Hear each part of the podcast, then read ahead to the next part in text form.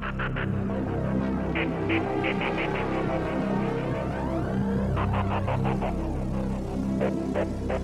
you.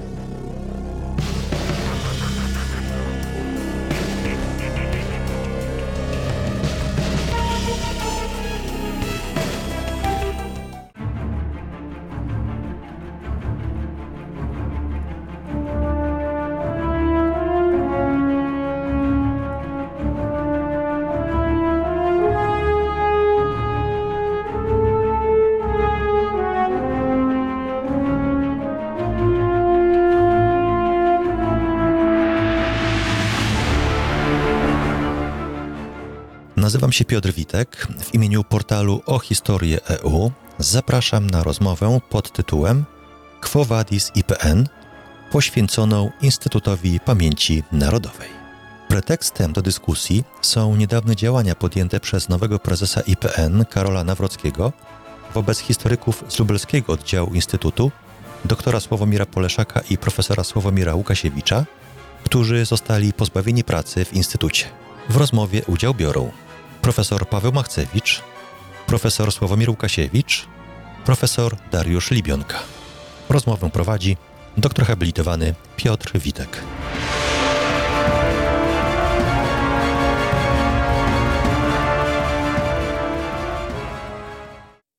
Dzień dobry Państwu. Witam na kolejnej rozmowie organizowanej przez portal o historię EU. Naszym spotkaniom tradycyjnie patronują Towarzystwo Historiograficzne – oraz ośrodek Brama Grodzka Teatr NN. Dzisiejsza dyskusja będzie poświęcona Instytutowi Pamięci Narodowej.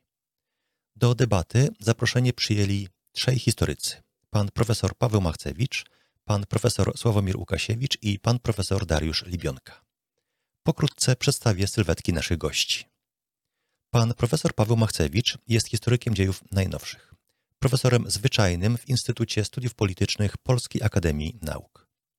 Profesor Machcewicz jest też współtwórcą Instytutu Pamięci Narodowej. Od sierpnia 2000 roku do stycznia 2006 roku pełnił funkcję dyrektora Biura Edukacji Publicznej IPN. 28 listopada 2008 roku decyzją ministra kultury i dziedzictwa narodowego Bogdana Zdrojewskiego został powołany na stanowisko dyrektora Muzeum II wojny światowej i kierował tą instytucją do kwietnia 2017 roku. W latach 2008-2014 pełnił funkcję głównego doradcy premiera Donalda Tuska. Wykładał w Kolegium Civitas na Wydziale Historycznym Uniwersytetu Mikołaja Kopernika w Toruniu oraz w Instytucie Dziennikarstwa na Wydziale Dziennikarstwa i Nauk Politycznych Uniwersytetu Warszawskiego. Był stypendystą m.in. programu Fulbrighta na Uniwersytecie Georgetown, Woodrow Wilson International Center for Scholars w Waszyngtonie – Brytyjskiej Akademii Nauk w Londynie i Hiszpańskiego Ministerstwa Spraw Zagranicznych i Ministerstwa Edukacji w Madrycie. Profesor Sławomir Łukasiewicz jest historykiem XX wieku, historykiem historiografii i politologiem, profesorem nadzwyczajnym w Instytucie Europeistyki Katolickiego Uniwersytetu Lubelskiego w Lublinie. W latach 2002-2005 pracował w Instytucie Europy Środkowo-Wschodniej w Lublinie. Od roku 2005 do roku 2021 był pracownikiem Instytutu Pamięci Narodowej w Lublinie, gdzie przez pewien czas kierował referatem badań naukowych Biura Edukacji Publicznej. Jest też visiting scholar w Davis Center for Russian and Euro-Asian Studies na Uniwersytecie Harvarda. Profesor Dariusz Libionka jest historykiem dziejów najnowszych, badaczem zagłady – profesorem nadzwyczajnym w Instytucie Filozofii i Socjologii Polskiej Akademii Nauk. W latach 1994-2005 był zatrudniony w Instytucie Historii imienia Tadeusza Manteuffla Polskiej Akademii Nauk. W latach 1999-2007 pełnił funkcję głównego specjalisty w oddziałowym Biurze Edukacji Publicznej Lubelskiego Oddziału Instytutu Pamięci Narodowej. Jest członkiem Centrum Badań nad Zagładą Żydów Instytutu Filozofii i Socjologii Polskiej Akademii Nauk. Od roku 2005 jest redaktorem naczelnym rocznika naukowego Zagłada Żydów Studia i Materiały. Dzień dobry, witam panów bardzo serdecznie. Dzień dobry. Dzięki. Dzień dobry. Szanowni panowie, łączy panów nie tylko to, że jesteście historykami, tak, historykami dziejów najnowszych, ale łączy was także to, że wszyscy jesteście byłymi pracownikami Instytutu Pamięci Narodowej, czyli macie w swoich życiorysach epizod pracy w Instytucie Pamięci Narodowej. E, chciałbym, żebyśmy właśnie e, porozmawiali sobie dzisiaj o Instytucie w związku z tym, co się aktualnie dzieje, tak? E, na początku może przypomnijmy, że IPN został powołany do istnienia w roku 1999. Jaka jest misja IPN-u? W dwóch zdaniach, tak? Misją IPN-u miało być innymi prowadzenie badań naukowych, edukacja publiczna, upamiętnianie miejsc, wydarzeń i postaci, archiwizowanie i udostępnianie dokumentów, prowadzenie śledztw w sprawie zbrodni nazistowskich i komunistycznych. Pamiętamy oczywiście, że y, w zasadzie od samego początku funkcjonowania IPN-u, tak, y, jeżeli jestem w błędzie, to proszę mnie poprawić, y, Instytutowi towarzyszały z różnym nasileniem różnego rodzaju kontrowersje, prawda? One były związane z zarzutami o upolitycznienie, o greteczkami, o realizowanie rządowej polityki historycznej. Oczywiście wszystko to kosztem prowadzonych badań, tak? Na przykład też o niedostateczne kompetencje wielu historyków, i tak dalej, i tak dalej. Pamiętamy, że historycy uniwersyteccy wobec historyków IPN używali takiego sformułowania historycy IPN, prawda, gdzie to też takie wzbudzało emocje i kontrowersje. I na początek o co chciałbym zapytać? Od czego chciałbym, żebyśmy zaczęli naszą rozmowę? Otóż chciałbym zapytać, czy mm, problemy z IPN i kontrowersje wokół niego, jakich doświadczamy, prawda, od niemal samego początku i one się nasilają dzisiaj, nie są przypadkiem efektem pewnego pierworodnego grzechu, jaki być może popełniono przy powoływaniu Instytutu w roku 1999. I na ten grzech by się składały takie dwa elementy. Pierwszy jest taki, że IPN został powołany jako urząd państwowy o uprawnieniach badawczych. Co to oznacza? Oznacza to, że historycy zatrudnieni w IPN-ie są urzędnikami, którzy podlegają innym regulacjom niż badacze na uniwersytetach, prawda? Zatrudnieni właśnie jako badacze i jako nauczyciele akademiccy. I w pewnym stopniu może to mieć wpływ na swobodę prowadzonych przez historyków z IPN badań, prawda? Ich aktywności poznawczej, edukacyjnej i tak. E, IPN ze względu na swój status jest podatny na manipulacje ze strony polityków, prawda? Czyli jeżeli jest władza demokratyczna, nazwijmy ją opisowo normalna, prawda, to nie ma problemu, a jeżeli jest władza autorytarna w tym momencie, tak, to bardzo łatwo IPN przez to, że jest tak, w taki, a nie sposób powołany, staje się, czy może stać się e, elementem gry politycznej, manipulacji, prawda, i tak dalej. I drugim takim e, grzechem pierworodnym, który wydaje mi się, że też może mieć wpływ, było co? Był masowy zaciąg badaczy do pracy w instytucie na samym początku, prawda? Jaka jest konsekwencja tego? Ta masowość, tak jak mi się wydaje, mogła powodować, że do IPN obok świetnych specjalistów, E, historyków, prawda, przyjmowano też wielu historyków z niekoniecznie wysokimi kwalifikacjami, tak? Stąd IPN, mając w swoich szeregach takich badaczy, borykał się i w zasadzie do dziś się boryka e, no, z problemami, tak, w rzetelnym realizowaniu swojej misji. Jak byście się panowie odnieśli do e, tych zagadnień? Bardzo proszę. Może pan profesor Paweł Machcewicz jako pierwszy, który był współtwórcą, współzałożycielem IPN-u. No, ja tutaj może nie jestem do końca E, zdystansowanym komentatorem, dlatego że przez pierwszych ponad pięć lat e, istnienia IPN-u ja byłem jego częścią. E, tak jak Pan wspomniał, współtworzyłem IPN od początku. Kierowałem pionem badawczo-edukacyjnym. To wtedy był jeden pion, nie tak jak teraz oddzielnie badania i edukacja. No i moja praca zaczęła się od tego, że dostałem, zostałem mianowany przez prezesa Kieresa dyrektorem pionu badawczo-edukacyjnego i musiałem go stworzyć. No pamiętam, jak wszedłem do pustego gabinetu i zacząłem wertować e, stos e, podań o pracę i to był początek mojej pracy. Natomiast e, odnosząc się do tych dwóch mm, zarzutów, które Pan wymienił i które oczywiście były formułowane wobec IPN-u od samego początku. To prawda, że IPN jest urzędem e, z hierarchiczną strukturą, z podległością organizacyjną pracowników wobec dyrektorów, prezesa. I to jest sytuacja do pewnego stopnia inna niż na uczelni czy w Polskiej Akademii Nauk, no bo oczywiście e, na uczelniach i w, instytutach PANU są też dyrektorzy, dziekani, rektorzy. Natomiast jeśli chodzi o badania naukowe, no to jest całkowita autonomia badaczy, ukształtowana prawda, przez stulecia istnienia uniwersytetów, a w Polsce przynajmniej po 1989 roku. E, ja sobie zdawałem sprawę z tej odmienności i wtedy jako dyrektor Biura Edukacji Publicznej no, sam odpierałem te zarzuty zgodnie z prawdą, deklarując, że ani ja nie wywieram żadnego nacisku wobec swoich podwładnych w pionie badawczo-edukacyjnym, ani prezes Instytutu nie wywiera takich nacisków czy na mnie, czy, czy też na pracowników.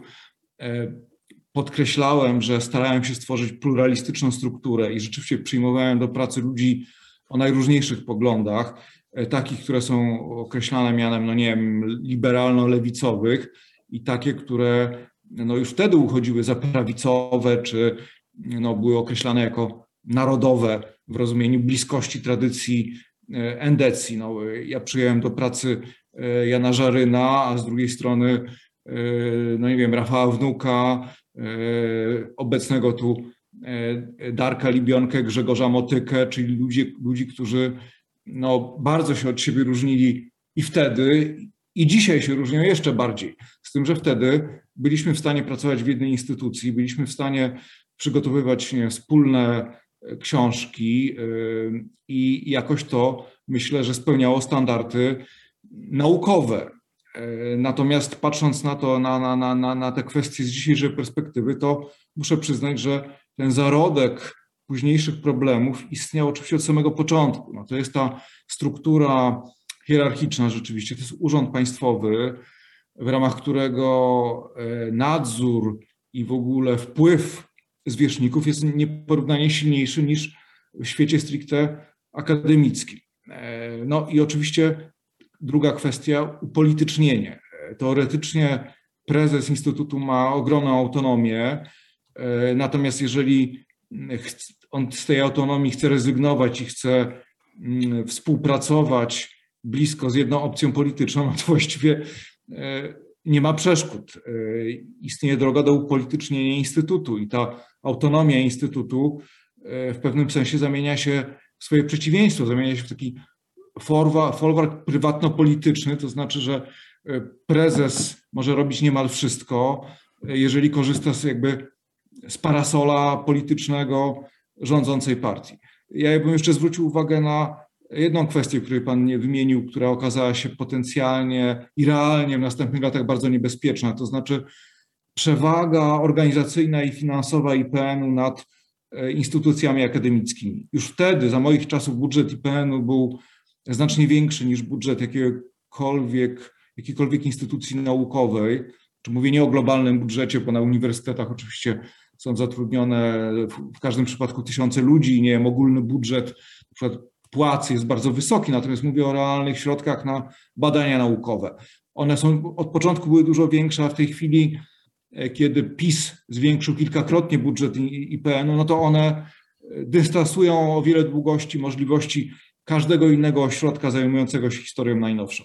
I także potencjał organizacyjny. No, IPN ma strukturę ogólnokrajową i jest w stanie prowadzić ogólnokrajowe badania w sposób znacznie bardziej skuteczny. Ja nie mówię teraz o jakby o wartości naukowej wyników tych badań, ale jakby o skali tych badań w sposób bardziej skuteczny niż badania prowadzone w ramach jakiegokolwiek grantu Narodowego Centrum Nauki, czy e, jakiegokolwiek innego grantu, który na ogół skupia nie więcej niż kilkunastu e, badaczy. I to wszystko sprawia oczywiście, że e, to, co miało być atutem IPN-u, czyli niezależność, może się zamienić w sytuację dominacji i realizowania badań naukowych, edukacji na zlecenie polityczne.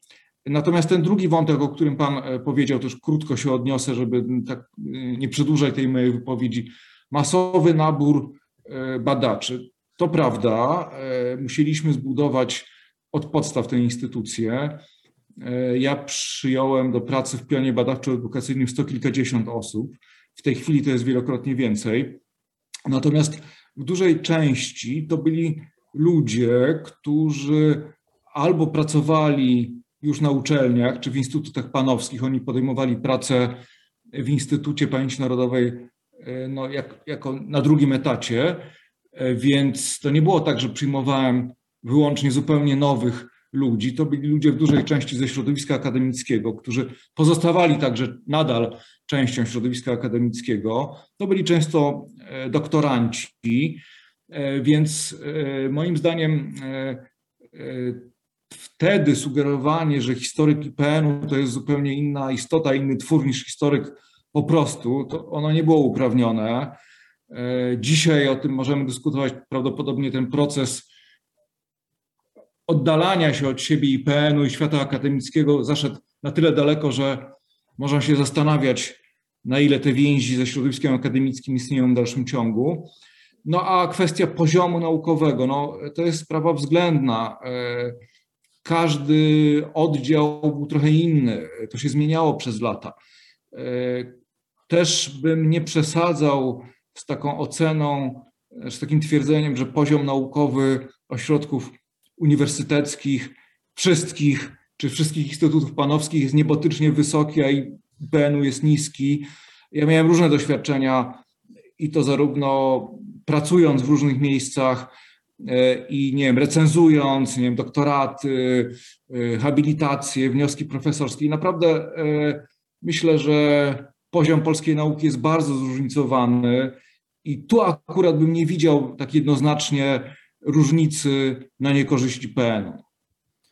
Jeśli mogę, panie profesorze, dziękuję. Znaczy, absolutnie nie miałem na myśli tego, że na uniwersytetach jest jakoś lepiej specjalnie pod tym względem, tak? I że tutaj uniwersytet niejako determinuje to, że ten poziom jest, jest wysoki, tak? Tylko chodziło mi o, o skalę po prostu masowości zatrudnienia, że w, w, takiej masowej fali jest dużo łatwiej, żeby się prześlizgnęli ludzie, tak?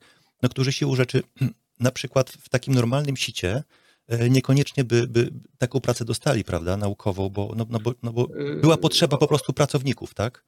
Oczywiście nie chcę bronić jakby samego siebie, ja odpowiadam za te powiedzmy pierwszych 5,5 e, roku istnienia IPN-u. Wtedy ten nabór nie był jeszcze aż tak dramatycznie masowy. Tak jak powiedziałem, to było kilkadziesiąt osób pracujących w pionie badawczo-edukacyjnym. Myślę, że teraz to jest kilkaset osób i w tych kolejnych latach na pewno kryteria rekrutacji e, się zmieniały i one stawały się coraz bardziej polityczne. No, e, głównym, główną rekomendacją była bliskość E, Prawa i Sprawiedliwości, jeśli chodzi o jakby prezesurę czy Janusza Kurtyki, czy Jarosława Szarka, czy no, w tej chwili od kilku miesięcy Karola, Karola Nawrockiego. Także też pamiętajmy, że IPN istnieje od 21 lat, więc to są różne epoki i no, niemal różne instytuty.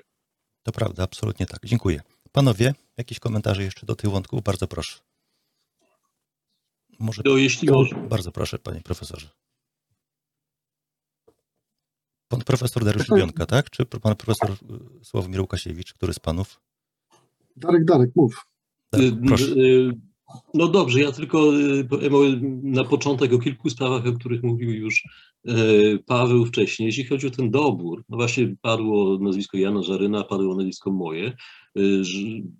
Te różnice rzeczywiście polityczne były, ale myśmy przychodzili do IPN-u z tej samej pracowni, z w Polskiej Akademii Nauk, mianowicie pracowni dziejów na, badań nad dziejami PRL-u, który, którą to pracownią kierował profesor Szarota wówczas i byliśmy obaj doktor, doktorami wypromowanymi przez Krystynę Kerstenową.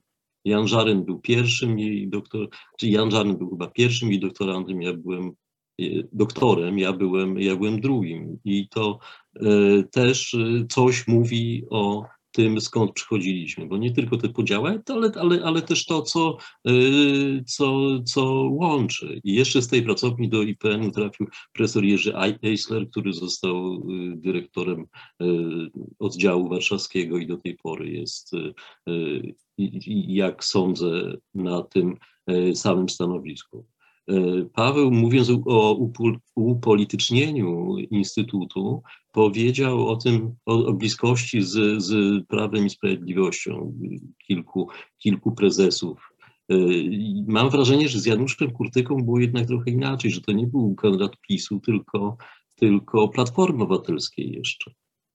E, I jeśli mogę to wyjaśnić, przepraszam, tylko taki tak. trend. Występował początkowo jako wspólny kandydat PiSu i Platformy, no ale zanim został wybrany prezesem, to ta iluzja, że powstanie popis upadła i jego na stanowisko prezesa przeforsował PiS zupełnie jednoznacznie. Wtedy Platforma popierała Janusza Krupskiego. No tak, rzeczywiście, bo tutaj dobrze, że to, że, że to przypominasz, bo tu się po prostu dokona, dokonało pewne, pewne przesunięcie. Natomiast ja pamiętałem to, że był Janusz Kurtyka rekomendowany przez, przez Platformę. Rzeczywiście to było, to było tak, jak, tak, jak, tak jak mówisz, e, bardziej skomplikowane, ale jakkolwiek było, no wtedy się skończyła niezależność Instytutu. Profesor, profesor Leon Kieres, pierwszy, pierwszy prezes Instytutu, no, różnił się zdecydowanie Mam takie wrażenie od, od, e, od e, prezesów, którzy, którzy nastąpili po nim. Ja się krótko po e, zakończeniu pierwszej kadencji, po odejściu profesora Kieresa i po odejściu twoim, Paweł, z, z, rozstałem z Instytutem z takiego właśnie powodu, że y, wydawało mi się, że w moim przypadku, bo to nie był przypadek każdego pracownika oczywiście tej instytucji, ale że w moim przypadku y, będzie mi trudno pogodzić moją niezależność, moje badania z jednej strony, a z drugiej strony y, funkcja, jaką objąłem w piśmie naukowym. Chciałem, żeby to pismo naukowe było, było całkowicie niezależne i trudno mi było, chociaż no, taką próbę podjąłem, e, funkcjonować w IPN-ie, kiedy, kiedy twoim następcą został no właśnie wymieniany już przez ciebie i przeze mnie Jan Żary.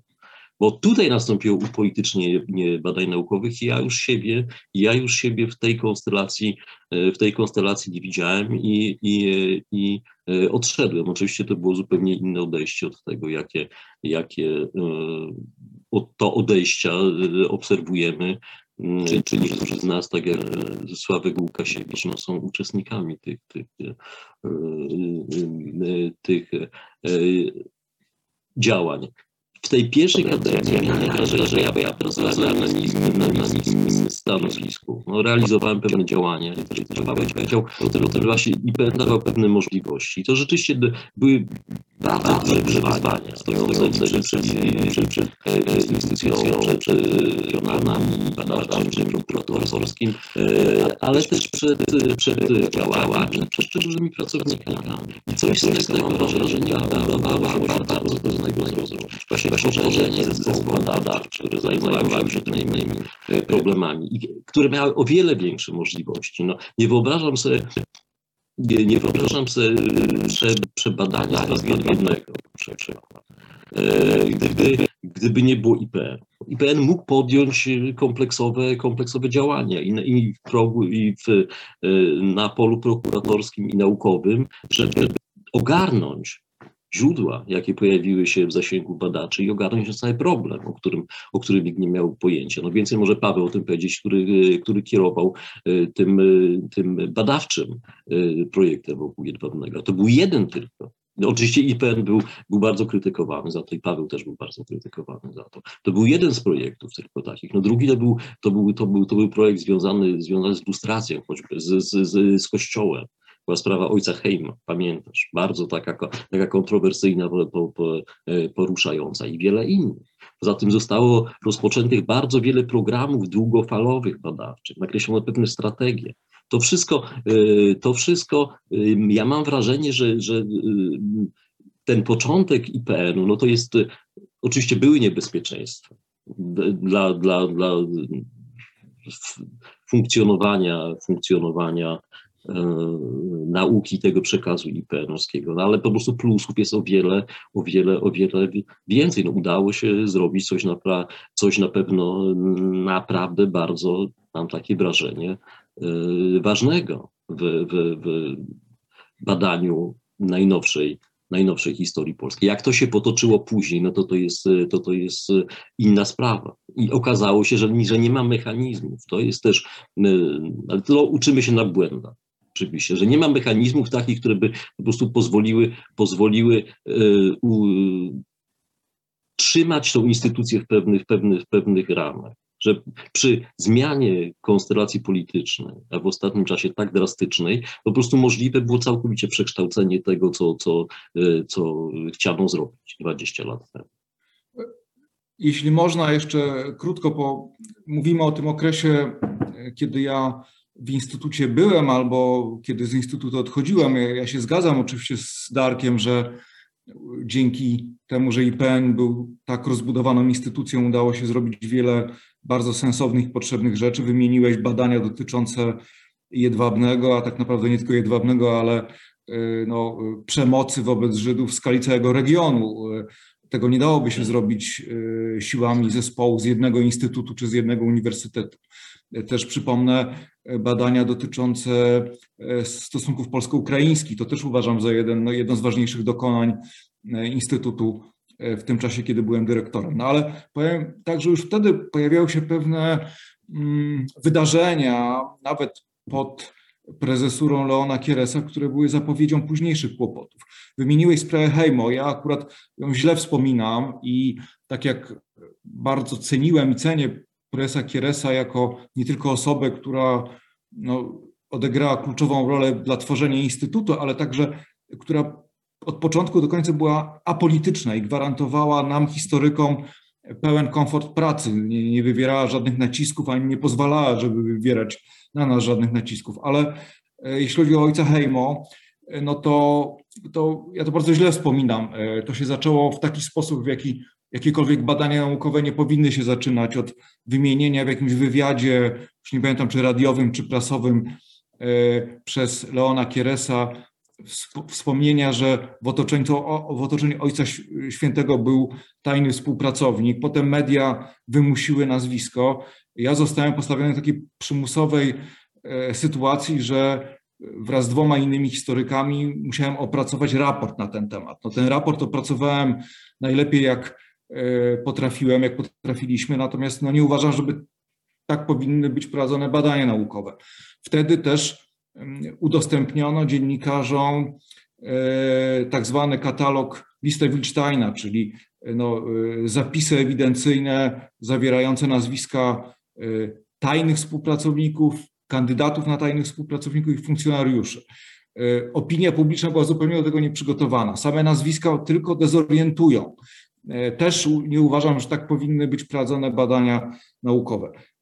I jeszcze jedno słowo, bo chciałeś trochę, Darku, jak sądzę, odróżnić Janusza Kurtykę od Jarosława Szarka czy Karola Nawrockiego. Ja, to, ja się zgadzam z tym, że o ile to Janusz Kurtyko odpowiada za takie zbliżenie Instytutu do PiSu i upolitycznienie PiSu, to jednak ja uważam, że to była postać innego formatu niż e, Karol Nawrocki czy Jarosław Szarek. Po pierwsze był to dobry historyk, mediewista ze znaczącym dorobkiem naukowym.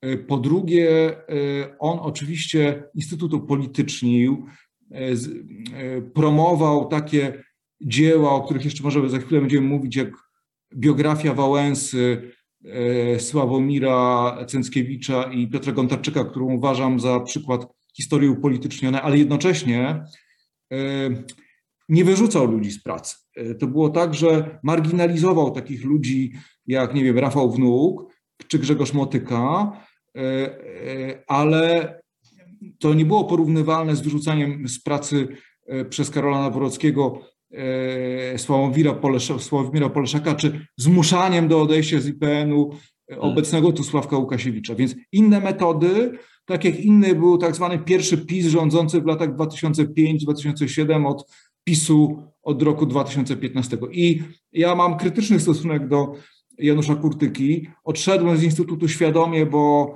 e, nie widziałem możliwości pracy u boku Janusza Kurtyki. On proponował mi zostanie w instytucie, to znaczy mówił, że chce mianować innego dyrektora Biura Edukacji Publicznej, ale proponował mi, żebym został na dowolnym innym stanowisku, które sobie wybiorę. Mogłem zostać na przykład jako jego doradca, ale nie chciałem jakby firmować e, tego, co się będzie działo z Instytutem, ja jakby to przewidywałem.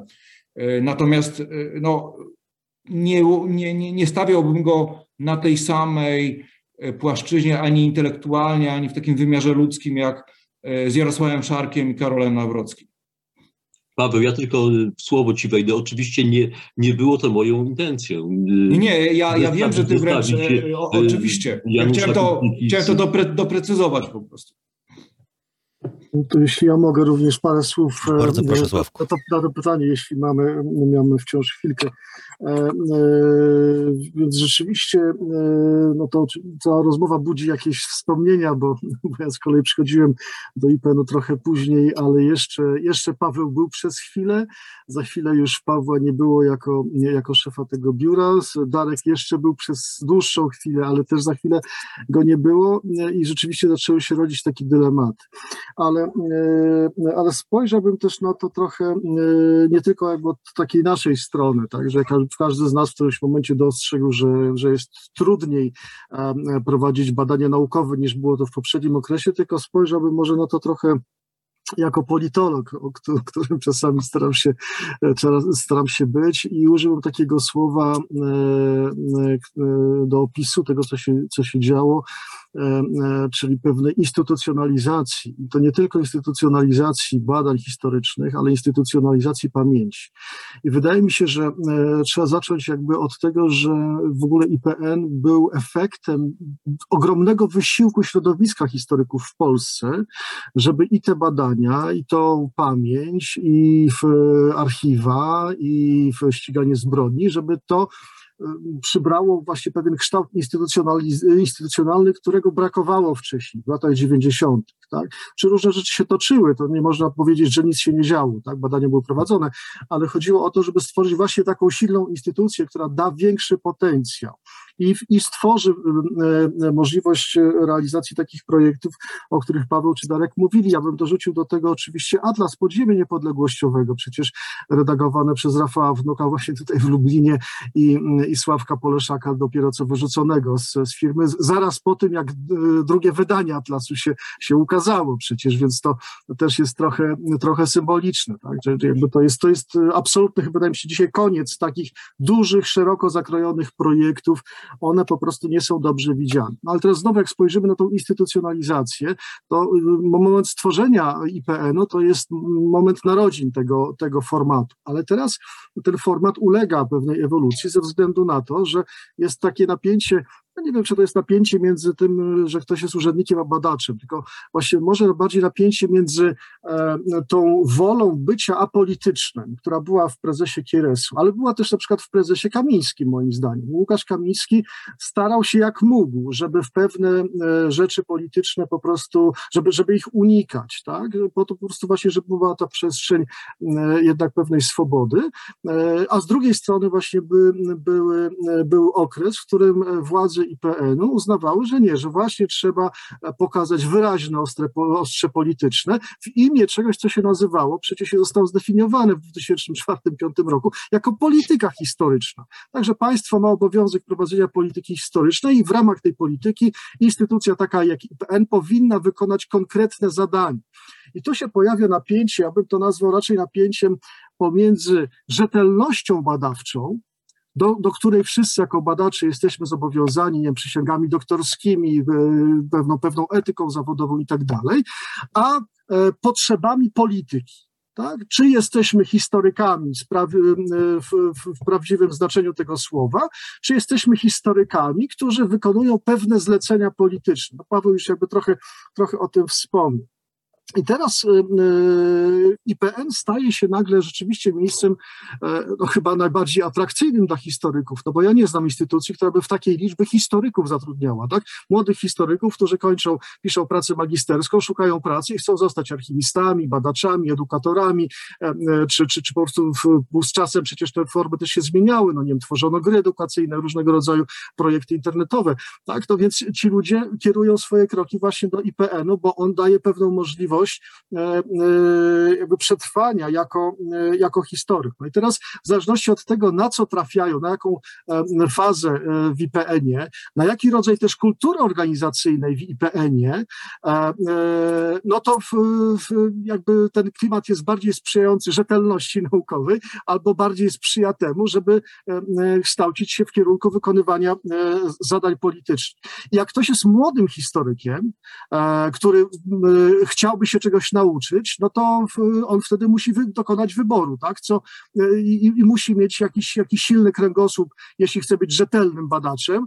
E, e, chyba, że właśnie mówię, ten klimat jest, jest od, razu, od razu sprzyjający.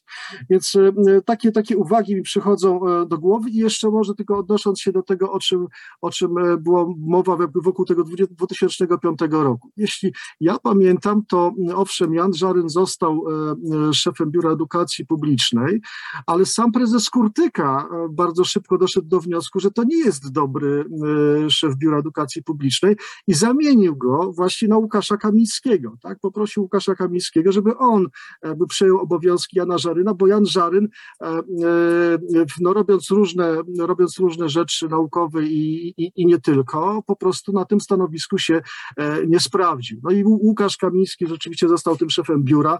Miał pewną, pewną wizję, ja bym to jednak podkreślił.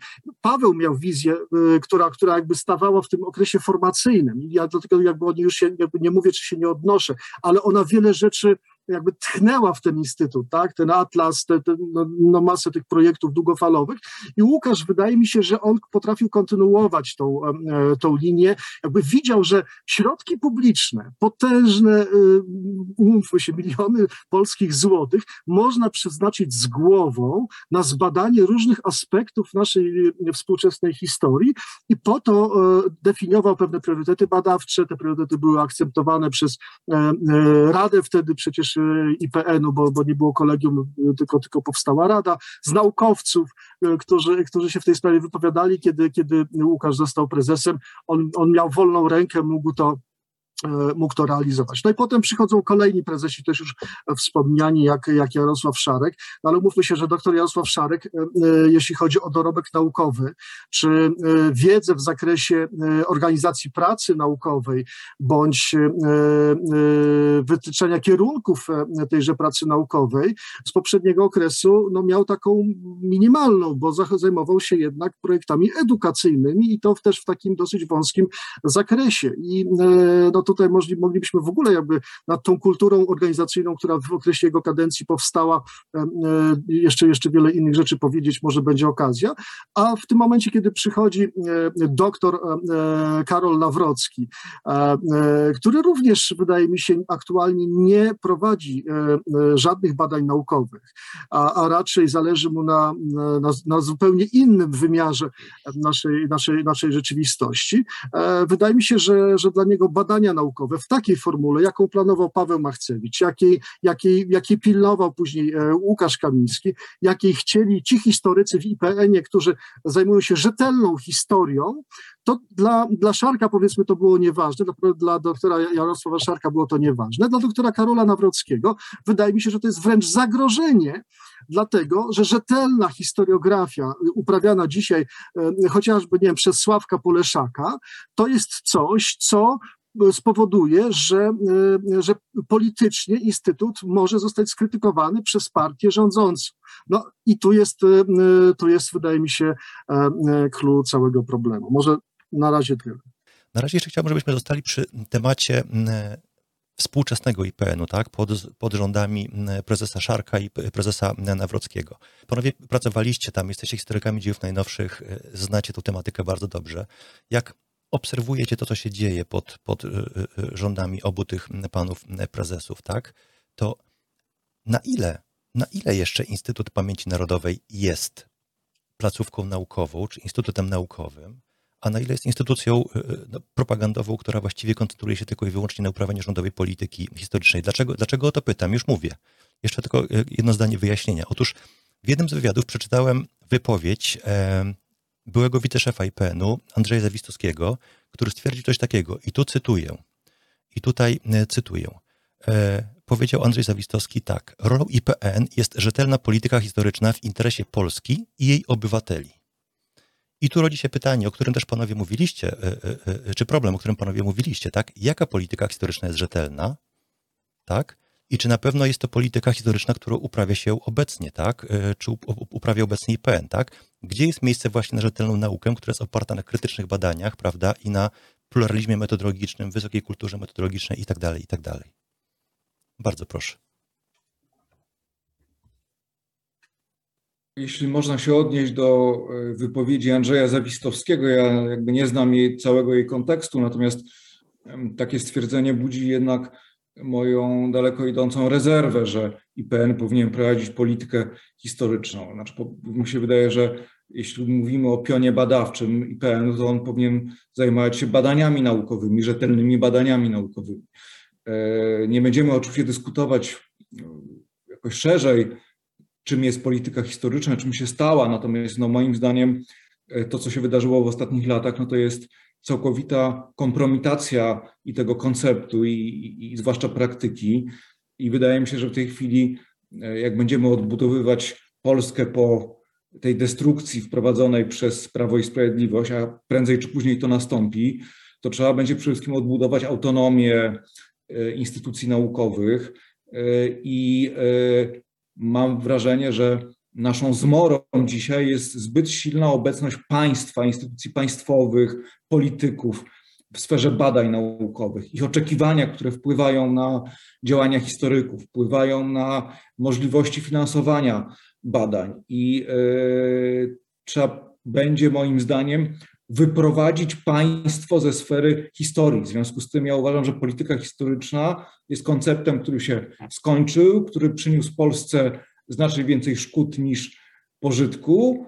I jeżeli IPN przetrwa kolejną zmianę władzy, to na pewno moim zdaniem nie powinien prowadzić polityki historycznej, tylko powinien rzetelnie realizować swoje zadania ustawowe. Ja jeszcze pamiętam e, tutaj, wracając do Łukasza Kamińskiego, ja się oczywiście zgadzam z tym, że Łukasz chciał, Łukasz Kamiński zachować apolityczność Instytutu i dużo robił dla tego, żeby to się udało. Natomiast pamiętam moje dyskusje z nim.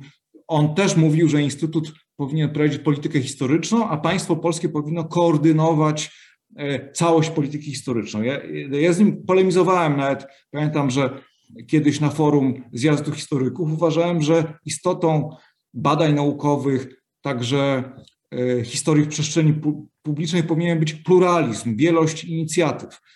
Państwo, rząd mogą wspierać pewne kierunki badań poprzez nie wiem, tworzenie nowych instytucji, nowych muzeów, ale istotą badań naukowych w rzeczywistości demokratycznej powinien być pluralizm i że historycy powinni być moim zdaniem nieufni wobec takich postulatów, żeby istniała jakaś scentralizowana polityka historyczna. I ciekaw jestem, e, jak teraz Łukasz Kamiński oceniałby to, co jakby je, stało się polityką historyczną państwa polskiego w ciągu ostatnich lat. Nie słyszałem żadnej, nie znam żadnej jego wypowiedzi na ten temat.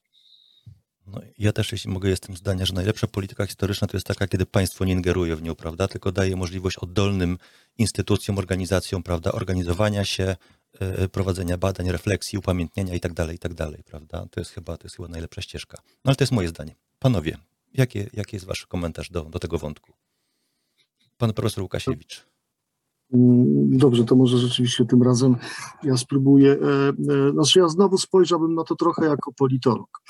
E, zgadzając się z tym, co, co, co, co Paweł powiedział, chętnie też bym usłyszał odpowiedź Łukasza, jak on, jak on ocenia dzisiejszą politykę historyczną. To jednak ja bym stanął na takim stanowisku, że tak czy owak państwo polskie jakąś politykę historyczną prowadzi, prowadziło i będzie prowadzić. E, e, dlaczego? Dlatego, że polityka historyczna e, przede wszystkim każdego państwa, tak, każde państwo ma pewnego rodzaju tego typu politykę historyczną, jest elementem czegoś, co się określa jako dyplomację publiczną tak? czyli otwiera tak naprawdę możliwości również kontaktu z innymi krajami, dyskutowania e, wspólnych, trudnych problemów bardzo często. E, I, I, jako taki element polityki zagranicznej wydaje mi się, że jest to bardzo ważne. Tylko teraz e, są dwie kwestie. Otóż polityka zagraniczna bardzo często zależy od tego, jak wygląda polityka wewnętrzna to po pierwsze. A po drugie, polityka zagraniczna może mieć różne modele. Może mieć modele dyplomacji otwartej, a może mieć modele dyplomacji takie jak w wypadku Rosji Putina. Jeśli chodzi o ten pierwszy wątek, czyli zależności między polityką wewnętrzną a zagraniczną, jeżeli polityka historyczna jest skierowana do własnych obywateli i ma kształtować ich widzenie przeszłości, ich widzenie historii, zamykać ich na pewne obrazy i serwować im jakby tylko jednowymiarowy obraz, obraz przeszłości, który jest wygodny dla rządzących, no to jest pewnego rodzaju amputacja, to jest zabieg, który, który spowoduje, że nasza wyobraźnia będzie po prostu ułomna e, i zaczniemy pewne osoby wykluczać, tak, dlatego, że one nie będą pasowały do tej wizji, to będzie powodowało różnego rodzaju konflikty społeczne, nimi będzie można łatwo zarządzać i będzie można w łatwy sposób e, mobilizować własny elektorat. Więc to jest bardzo charakterystyczny element tego, co się nazywa polityką partyjną w każdym państwie. Tak? Partie znakomicie wiedzą, jak, jakie, jakich narzędzi używać, żeby mobilizować elektorat. I tutaj mogę sobie na taki komentarz wręcz polityczny po, pozwolić, że PiS jakby z, z, wyspecjalizował się wręcz w tego typu mobilizacji. Tak? Znalazł te narzędzia historyczne i wykorzystuje je na tyle, na ile jest w stanie. Natomiast pozostałe partie, miałbym co do tego wątpliwości, czy one w ogóle przywiązują wystarczającą wagę do tego, że historia jest czymś ważnym dla, dla społeczeństwa i efekty w różnego rodzaju sytuacjach widać, no ale to jest jakby na osobną rozmowę. No ale teraz jest druga kwestia, to znaczy jak się prowadzi politykę również zagraniczną, zewnętrzną, w tym zakresie dyplomacji, dyplomacji historycznej. Jeżeli to jest dyplomacja otwarta, no to ona może prowadzić do takich zjawisk jak między Francją a Niemcami, tak, gdzie powstają e, komisje pojednania, gdzie pewne rzeczy są, są wyjaśniane, gdzie powstają komisje podręcznikowe. Przecież polsko-niemiecka komisja podręcznikowa funkcjonowała, polsko-ukraińska i tak dalej. Po co? No po to, żeby e, nie uzgodnić jakąś jedną obowiązującą wersję historii, tylko żeby te wersje nasze się ścierały, tak? bo, bo fakty są jakie są, natomiast na interpretację tych faktów, no, no każdy z nas może trochę inaczej na to wszystko spojrzeć e, i każde, każde państwo trochę inaczej na to będzie patrzyło i społeczeństwa muszą mieć tego świadomość, tak, że to jest negocjowalne, że my o tym możemy spokojnie rozmawiać. Chyba, że tak jak mówię, przyjmiemy model e, Rosji e, Władimira Putina, który eliminuje na przykład własne stowarzyszenia, takie jak Memoriał z tej przestrzeni publicznej, który wyklucza możliwość rozmowy na temat trudnych problemów z innymi partnerami. O ile istniała swego czasu grupa do spraw trudnych polsko-rosyjska, ona praktycznie nie funkcjonuje. Tak? Centrum polsko-rosyjskiego porozumienia i pojednania e, de facto jakby nie zajmuje się tym, do czego zostało powołane, bo po prostu nie ma fizycznie takiej, e, takiej możliwości. Natomiast e, prezydent Putin przy każdej okazji wykorzystuje historię, czy to oskarżając ambasadora Lipskiego, czy, czy wykorzystując fakt nowelizacji ustawy o IPN-ie i jadąc na obchody Auschwitz tak do Izraela i tak dalej, i tak dalej. To są, to są, to są zachowania oczywiście możemy powiedzieć skandaliczne. Tylko pytanie teraz, w którym kierunku idzie polskie państwo. Czy my chcemy rozmawiać z, z Niemcami, Ukraińcami, z, ze światem w ogóle o tym, jak trudna jest historia i jak rzetelnie ją uprawiać. I wydaje mi się, że to jest sensowna polityka historyczna. Tak? I państwo tutaj ma do odegrania rolę. Może to inspirować, może to finansować, może otwierać pewną przestrzeń, tak? I mówić, proszę bardzo, to jest przestrzeń dla historyków, spotykajcie się, rozmawiajcie, prowadźcie badania. Czy państwo stwierdzi, że nie, my takie instytucje jak memoriał w Rosji, to albo zlikwidujemy, albo przejmiemy, ponieważ one godzą w tą jednolitą mm, wizję, w ten jednolity przekaz, który chcemy zaserwować naszemu społeczeństwu. Dziękuję. Darku?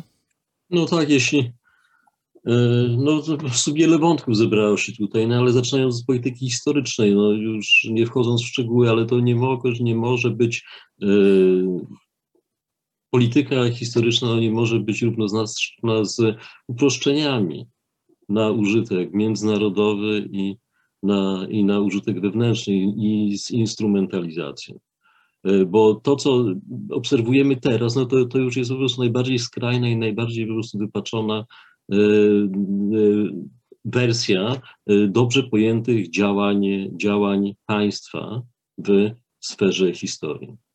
Bo tutaj nie chodzi no właśnie po prostu o, rozmowę, o kontakty międzynarodowe, o wymianę, o wymianę myśli i promowanie pozytywnego wizerunku Polski, no tylko o coś, tylko o coś zupełnie innego. Jeśli chodzi o te uproszczenia, no przypomniało mi się, e, przypomniały mi się dyskusje wokół, wokół Jedwabnego. E, profesor Nowak wystąpił wówczas e, z taką oto tezą, no, że właśnie z alternatywą, że albo badamy jedwabne, albo badamy Westerplatte. Pamiętasz, Paweł? Westerplatte czy jedwabne i e, oskarżał, że właśnie IPN niebezpiecznie, niebezpiecznie e, grawituje w kierunku właśnie badania tych ciemnych kart historii. No ale przecież jak spojrzeć na historię polskiego oporu września 1939 roku, no czy samego Westerplatte, no to to nie jest jedna prosta, heroiczna historia. E, I ta alternatywa jest, e, jest, e, jest fałszywa, bo istnieje, jeśli chodzi o Westerplatte, to istnieje no właśnie opowieść kapitana Dąbrowskiego, no i ta oficjalna, ta, ta oficjalna narracja, do której byliśmy przy, przyzwyczajeni. No więc oczywiście badania naukowe, ale też, ale też edukacja, bo to było wpisane właśnie w nowoczesna edukacja. No to leżało ta, e, ten problem e, leżał no, u podstaw powstania IPN-u, że nie tylko prowadzenie badań naukowych i przejęcie e, archiwów po komunistycznej służbie bezpieczeństwa, ale też działania edukacyjne, ale też działania edukacyjne no, nie mogą być prostą indoktrynacją. A teraz właśnie z tym mamy, z tym mamy do, do, do Y, czynienia. I co y, jest najbardziej tutaj może smutne, to to, że ci, którzy do właśnie do, y, prowadzą tą indoktrynację, zarzucają, tak, choćby Sławkowi Poleszakowi, zarzucają to, że on w jakiś sposób, w jakiś sposób po prostu wypacza czy prezentuje swoje, w tekstach naukowych swoje poglądy polityczne. Tym, tymczasem jest zupełnie, zupełnie inaczej. I nie wiem, jak to będzie wyglądało po tym, e, kiedy, kiedy, kiedy, kiedy to się skończy i zacznie się budowa czy, czy odbudowa czegoś nowego, no ale będzie musiała nastąpić no, jakaś bardzo głęboka po prostu redefinicja tych działań no, i, i tego wszystkiego, no, co zostało stworzone, bo to, tego nie można wziąć na awiacji gdzieś, gdzieś tego się po prostu pozbyć, no to po prostu jest, to będzie, to są instytucje, to są ludzie, to są programy. E, przepraszam, y przepraszam, przepraszam Darku, mógłbyś powtórzyć, bo wiesz co, urwało, zawiesiło się. Instytut, na, na, od którego momentu urwało? E, na jakieś 30 sekund, 40, także. 30 sekund temu mówiłem, mówiłem o, o prezesurze Łukasza Kamińskiego i rzeczywiście Instytut był wtedy wtedy pluralistyczny o tyle, że po prostu pracowali tam różni ludzie i mogli realizować, e, jeśli tylko chcieli swoje, czy też wpisywać się w istniejące programy badawcze, takie czy inne, czy, czy, czy, czy kreować własne, było to możliwe. Natomiast co, e, co było niedobrego w moim przekonaniu, to to, że zaczęła się po prostu ugruntowywać e, tendencja do rehabilitowania, czy może po prostu mówiąc po prostu inaczej, nadawania po prostu nowych znaczeń, innego rozkładania akcentów, jeśli chodzi o skrajną polską prawicę. Miało miejsce ocieplanie wizerunku. To nie zaczęło się, nie zaczęło się za prezesury doktora e, Szarka, to zaczęło się wcześniej. Powstawały książki rehabilitujące e, różne, e, różne formacje, różne formacje narodowe. Ja nie mówię, że to źle było po prostu należało rzeczywiście dokonać, dokonać prawdziwego zdarzenia, no, e, po prostu bilansu i y, przyjrzeć się temu, co się działo w okresie komunistycznym z historią, no choćby po prostu NSZ-u czy obozu narodowego, ale to zaszło, to po prostu nie o to chodziło. No tutaj po prostu było całkowite odwrócenie, odwrócenie znaków. No przed tym przestrzegała profesor Kerstenowa, że po prostu nie może być tak, że, że, że, że czarne się staje białym, a biały się staje czarnym. I te książki, te teksty, te narracje, te programy, one zaczęły wchodzić, e, one zaczęły wchodzić no, w, w obieg e, publiczny, e, do szkół. Nie, bo to nie były tylko dyskusje zamknięte w, w kręgach naukowych. Zresztą to nawet nie były dyskusje, no to były po prostu jakieś monologi, które się po prostu rzadko ze sobą, ze sobą z, z stykały. E, ale to wszystko po prostu procentowało i po, i po, po, po e, przyjściu po prostu doktora Szarka to się tylko nasiliło. Było tego więcej. Natomiast ten proces został uruchomiony w, wcześniej. No i właśnie po prostu do czego trzeba wrócić? No trzeba wrócić do, do, do, do, do edukacji z prawdziwego zdarzenia, a nie do i, zastąpić, i zastąpić ją indoktrynacją. Krytyczny namysł, no to, a nie, a nie no właśnie po prostu tworzenie, tworzenie jakichś legend, mitów, no bo y, żeby znowu nawiązać do, jeszcze raz nawiązać do, do, do, do tego przypadku Sławka Poleszaka, no to jest właśnie po prostu problem, no właśnie y, jaki ma po prostu historyk, po prostu z wykreowanym mitem.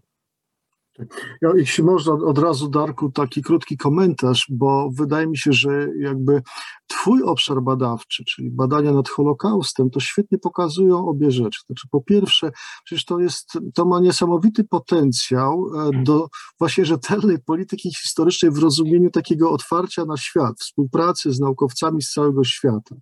Tak, robisz, robisz pismo, wydajesz książki, które znakomicie jakby pozwalają, pozwalałyby środowisku historycznemu e, skupiać się wokół pewnych zagadnień. I IPN, gdyby miał miał taki program, e, jakim ty się zajmujesz, e, to przecież to jest no, niesamowity potencjał, absolutnie podstawa do rozmowy, później wykorzystania tego rzeczywiście e, i do rozmowy z Izraelem, i, i z Rosją, i z, z Francją, i ze Stanami Zjednoczonymi, no to można sobie wyobrazić naprawdę wiele różnego rodzaju wątków.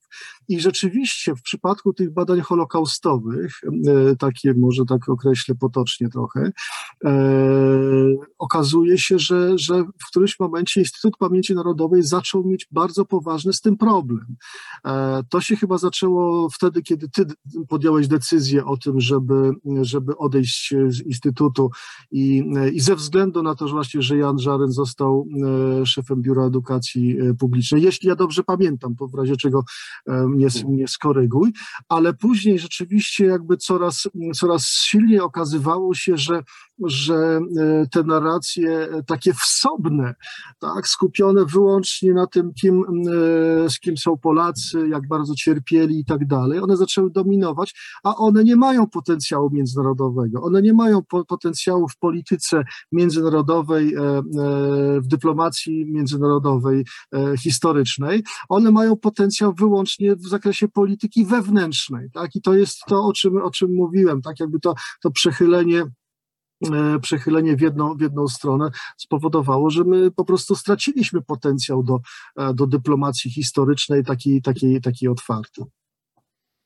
Jeśli mogę też tytułem komentarza do tego, co Sławku powiedziałeś, mam troszkę inne zdanie, dlatego że jeśli się przyjrzymy temu, jak Muzeum II wojny światowej zostało skonstruowane i wpisanie polskiego cierpienia w szerszy kontekst, tak, cierpienia w ogóle yy, społeczności drugiej, podczas II wojny światowej w Europie, prawda, no to się okazuje, że to jednak ma potencjał międzynarodowy i można na tym budować też i porozumienie, tak, i bardzo ciekawą, otwartą, yy, krytyczną yy, historię.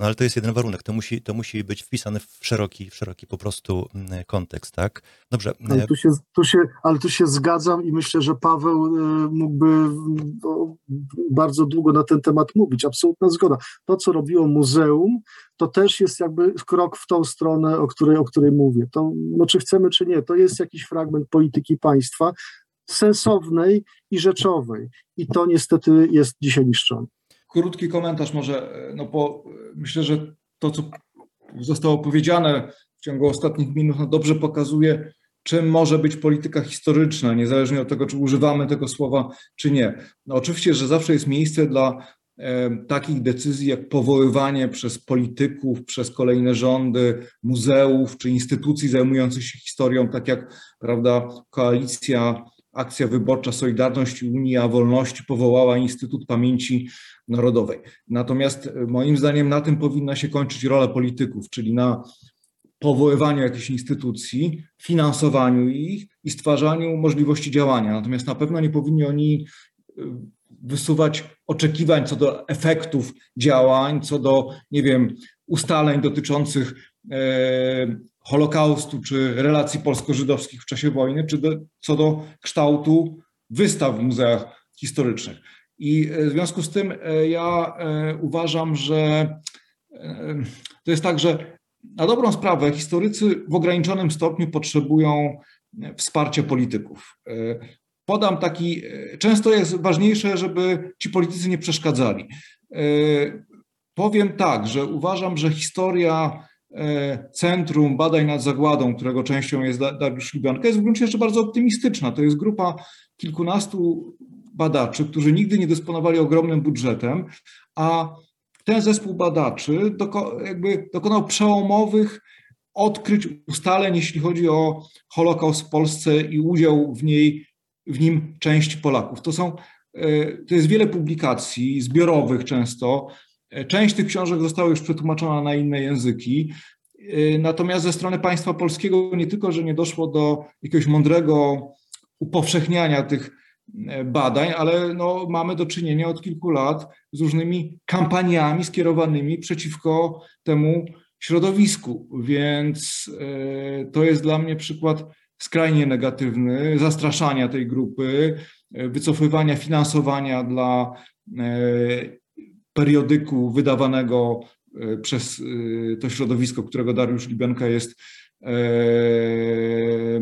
redaktorem naczelnym, jakby zaniżania punktacji dla tego właśnie periodyku Zagłada Żydów, co jakby dla laików to może być sprawa mało istotna, ale dla, dla historyków ogromnie istotna, no bo musimy publikować wysoko punktowanych e, czasopismach. Także e, ja raczej, znaczy tak może trochę polemicznie wobec tego, co powiedział Sławomir Łukasiewicz, moje oczekiwania wobec państwa polskiego są teraz takie raczej, żeby się wycofywało ze sfery historii, a, a jak się wycofa i e, zostawi na autonomię, to możemy się zastanawiać, jakie formy może przybrać współpraca między e, historykami a władzami, ale na, na, w tym momencie tego czynnika politycznego jest po prostu za dużo i od jego, od zmniejszenia jego obecności chyba powinniśmy e, rozpocząć wszelki jakby proces odbudowywania, rekonstrukcji tej przestrzeni, w której działają i prowadzą badania historycy. Takie jest moje zdanie.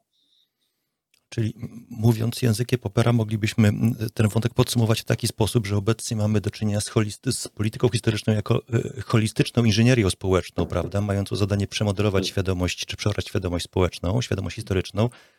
I musimy do tego odejść na rzecz lokalnej polityki historycznej, tak? czyli lokalnej inżynierii społecznej, w słabym sensie tego pojęcia, które właśnie otwiera nowe możliwości, tak? E, e, buduje na pluralizmie, na różnorodności, na dyskusji itd., tak itd. Przede wszystkim powinniśmy rozumieć i uznawać, że spór, pluralizm, a nawet konflikt to są immanentne i niezbędne e, części debaty historycznej, czy w ogóle jakiejkolwiek debaty w demokratycznym państwie. Próba stworzenia jakiejś jednolitej narracji jest zawsze niebezpieczna. Absolutnie tak. E, panowie, chciałbym, żebyśmy wrócili do wątku jeszcze polityki kadrowej IPN-u, e, współczesnej polityki kadrowej, współcześnie, tak? Znaczy tutaj nawiązuję właśnie do sprawy doktora Poleszaka i pana profesora Łukasiewicza, e, którzy zostali pozbawieni pracy w Instytucie Pamięci Narodowej.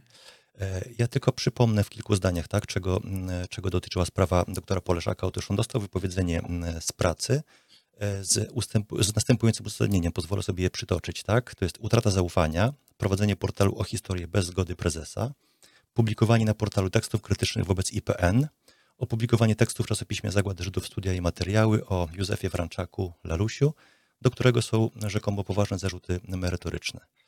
E, no, przypomnę tylko, że w tym tekście profesor, doktor, przepraszam, doktor Poleszak wykazał, że Józef Franczak brał udział w akcjach E, zbrojnych, tak, e, gdzie strzelano po prostu do, do Żydów, tak. Mam do panów takie pytanie, znaczy jak, jak oceniacie całą tę sytuację i w ogóle zarzuty kierowane pod adresem e, Sławka Poleszaka formułowane przez prezesa IPN Nawrockiego, bo one są w moim przekonaniu, czy w mojej ocenie, one są po prostu, mówiąc elegancko, przedziwne, tak, żeby nie powiedzieć inaczej. Darku, może ty teraz ty, tym razem zaczniesz.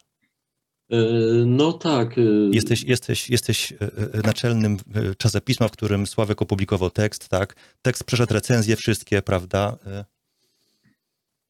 No tak, no ja.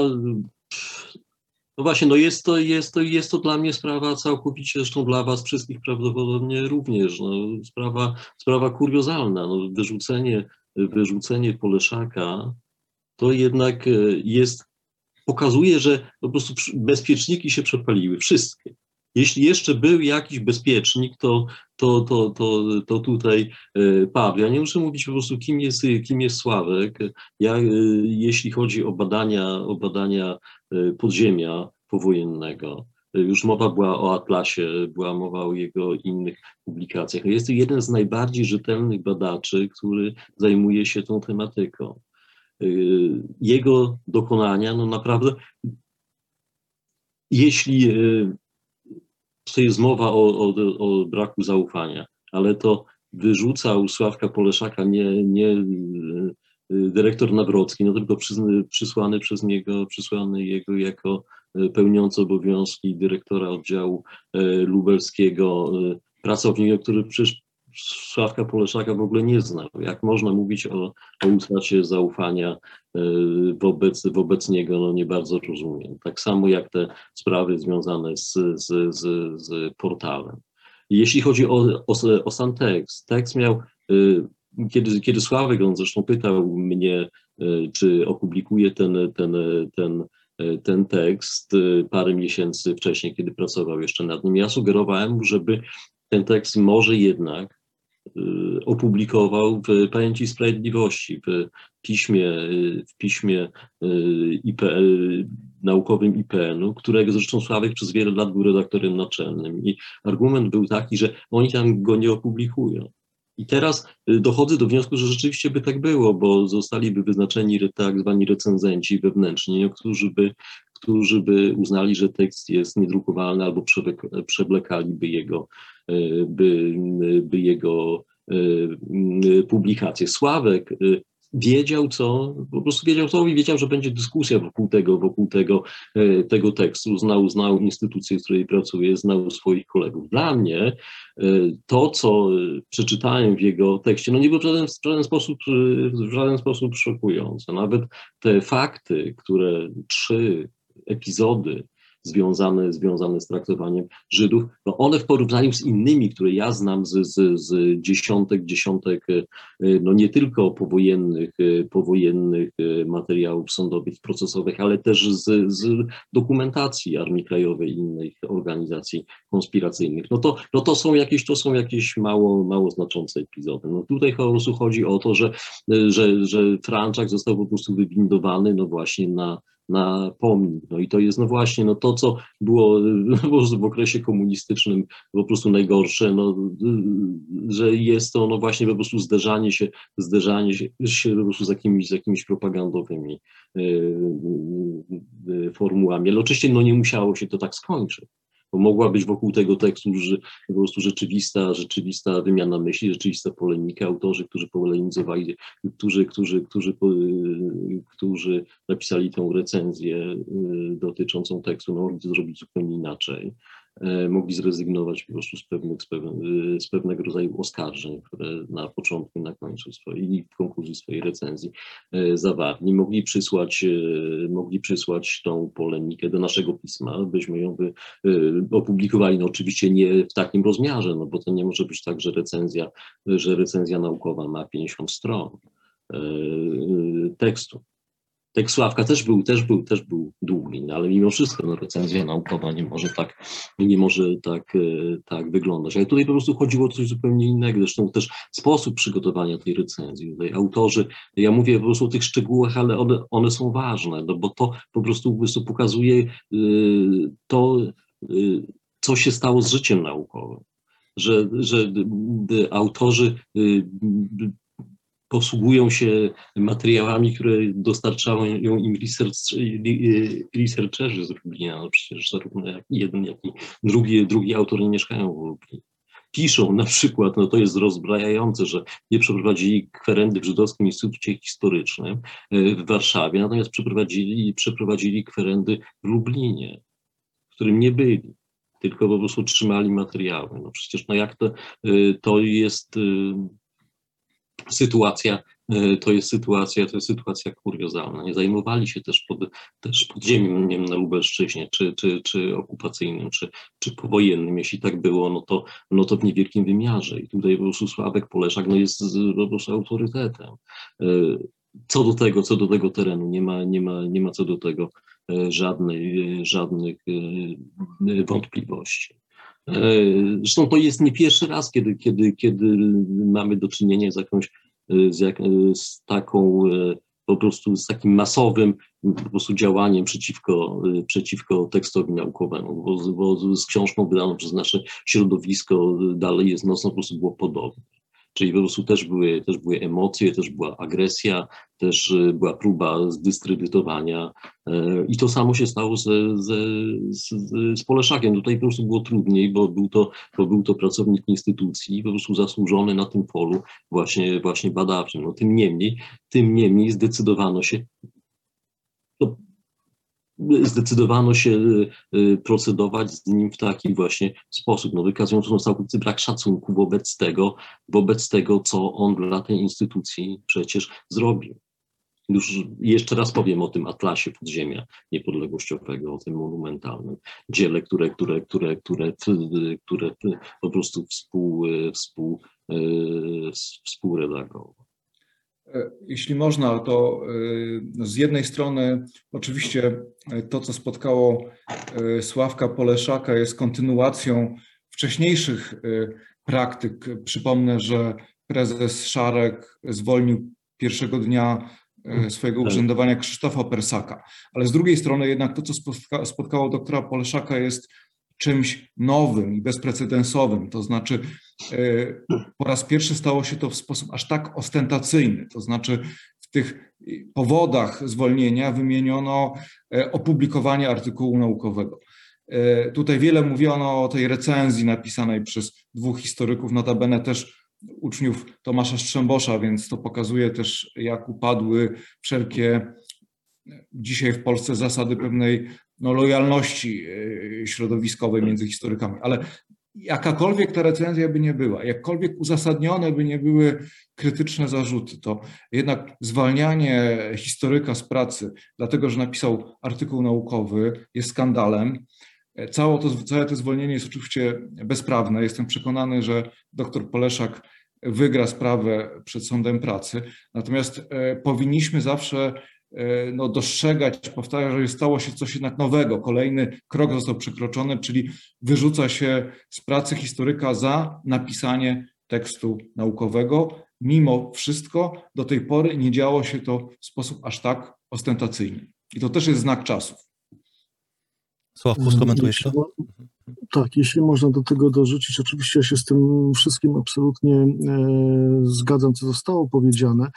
Może jeszcze trzeba spojrzeć na to w taki sposób, że e, Sławek jest jednym z najstarszych pracowników Instytutu Pamięci Narodowej tak? I, i obserwował e, pracę wielu prezesów wielu dyrektorów biur edukacji, biur, biur badań historycznych. Natomiast postawił sobie właśnie za cel to, żeby od samego początku, bez względu na kierownictwo, bez względu na to, jaka jest, jaki jest klimat polityczny, jaka jest faza polityki historycznej, jeśli mogę używać takiego sformułowania, że on będzie tą historiografię uprawiał rzetelnie. Jeżeli zajmuje się Józefem Franczakiem, e, to jest w stanie napisać, skorygować informacje na temat tego, kto go wydał i, napisać o tym rzetelny tekst. Jeśli dotrze do nowych informacji dotyczących Franczaka, to również e, napiszę na ten temat tekst, bo to jest obowiązek historyka, żeby rzetelnie opisać nowe źródła, żeby wprowadzić nowe ustalenia do literatury. Bez względu na to, czy to będzie się podobało szefostwu, czy to będzie się podobało środowisku historycznemu, czy to wzburzy bądź nie opinię publiczną. To jest obowiązek historyka. My mamy obowiązek badać historię, mamy obowiązek ją opowiadać, mamy obowiązek e, zadawać pytania i mamy obowiązek wahać się, jeśli nie znamy do końca odpowiedzi. To, to jest y, obowiązek i przywilej historyka i wydaje mi się, że to trzeba też y, za każdym razem y, tłumaczyć. Natomiast sprawa ta pokazuje rzeczywiście to, na co Paweł Machcewicz zwrócił uwagę. E, pewien, ja bym to nazwał upadek kultury też organizacyjnej w Instytucie Pamięci Narodowej. E, on się objawia na różne sposoby. E, w tym przypadku to jest rzeczywiście pewien brak hamulców, chyba o natury etycznej, Jeśli wzięlibyśmy pod uwagę na przykład kodeks etyki przyjęty przez Polskie Towarzystwo Historyczne, tak, gdzie jedni historycy mogą wyrzucić z pracy innych historyków za to, że jeszcze inni historycy napisali na ich temat coś krytycznego. No to jest zupełnie coś, coś niewyobrażalnego. Jeżeli w ten sposób rzeczywiście będziemy postępować, to, to historiografii w Polsce nie będzie.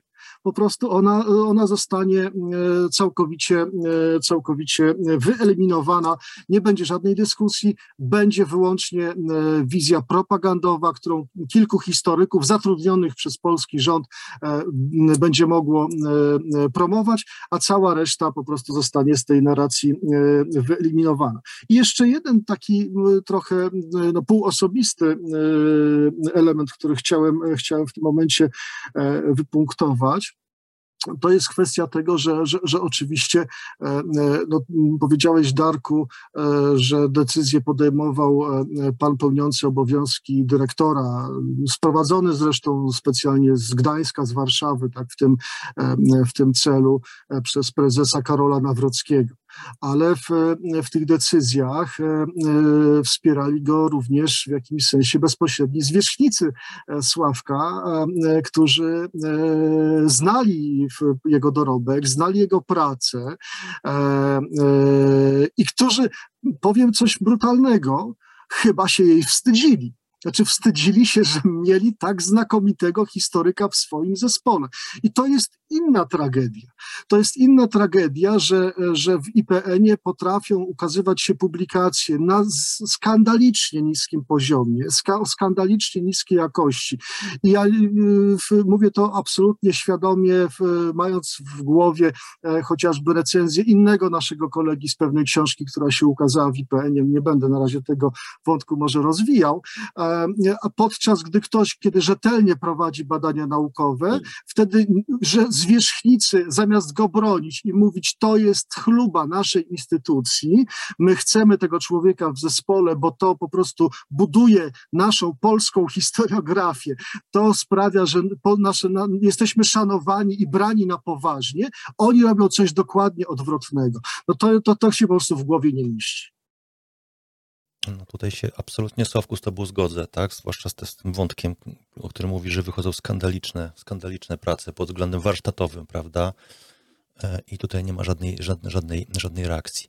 E, chciałbym jeszcze nawiązać do jednego wątku, który jest równoległy do wątku e, Sławka Poleszaka, mianowicie do wątku właśnie profesora Łukasiewicza, bo ty, Sławku, też rozstałeś się z Instytutem. Czy mogłeś w kilku zdaniach przybliżyć tą swoją sytuację, tak? Bo ona jest też kuriozalna, chociażby w tym sensie, tak, że no, jesteś historykiem z olbrzymim dorobkiem rozpoznawalnym na świecie, jesteś visiting scholar, prawda, w tym momencie na jednym z najlepszych amerykańskich uniwersytetów, i instytut wypycha takiego badacza, pozbawia go zatrudnienia, tak?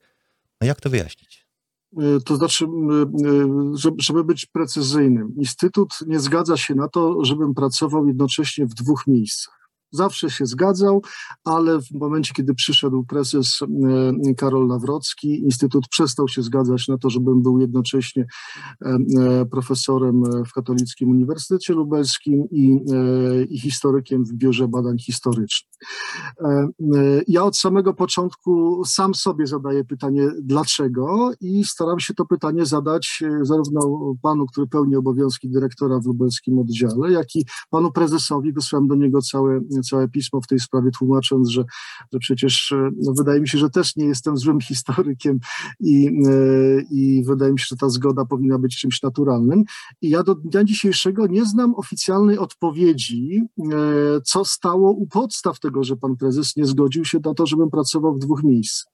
Natomiast mogę to zinterpretować i, i uczynię to niniejszym, pomimo tego, że, że pewnie jeszcze czekają, czekają mnie sprawy sądowe, ale powiem dwie rzeczy. E, więc po pierwsze, e, e, to jest oczywiście pretekst formalny.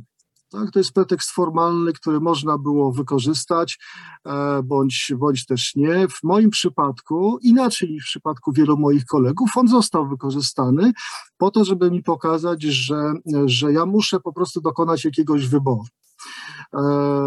Tak, albo, albo IPN, albo KUL, co oczywiście uderza w, no, w, w, w, w moją pracę naukową. Już nie będę tego, tego szerzej rozwijał, opowiadałem to dosyć obszernie u pani redaktor Gminerek Zabłockiej w programie, więc nie chciałbym do tego specjalnie, specjalnie wracać.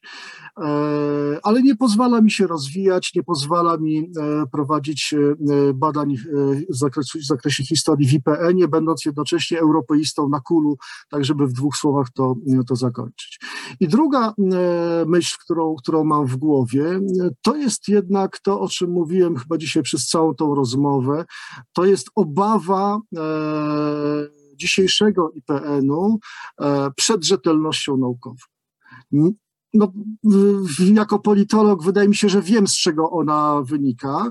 Oczywiście należałoby zrobić ankietę, zadać pytania później panu prezesowi, wielu jeszcze innym osobom, które decydują dzisiaj o tym, jak, jak ten IPN jest, jest kształtowany, ale e, rzetelność naukowa, której no, ja, ja hołduję i zakładam, że jak każdy historyk, oczywiście w szczegółach mogłem coś y, pominąć, mogłem dokonać y, y, powiedzmy jakiej, jakiejś nieuprawnionej interpretacji. Chętnie podyskutuję na ten temat, tak? Ale na na poziomie mojej wiedzy, badań źródłowych, które prowadzę, warsztatu, który staram się budować i cały czas udoskonalać, staram się być po prostu rzetelnym historykiem. I rozumiem, że to, w jaki sposób funkcjonuje e, i zasady, którym hołduję, po prostu są niewygodne e, i, e, i w związku z tym znaczy sięgnięto po taki pretekst, taki pretekst formalny. Oczywiście to jest moja interpretacja i, i, w, i wydaje mi się, że mam do niej, mam do niej prawo, natomiast no, nie jestem w stanie wniknąć ani w głowę pana prezydenta, prezesa Karola Nawrockiego, ani w, w głowę pana e, Mateusza Koteckiego, który jest właśnie pełniącym obowiązki dyrektora w, w Lublinie, ani w, w głowy moich zwierzchników, e, w tym, e, w tym do, do, do 8 listopada bezpośredniego zwierzchnika, czyli pana naczelnika oddziałowego Biura Badań Historycznych e, e, e, doktora habilitowanego Jarosława Rabińskiego.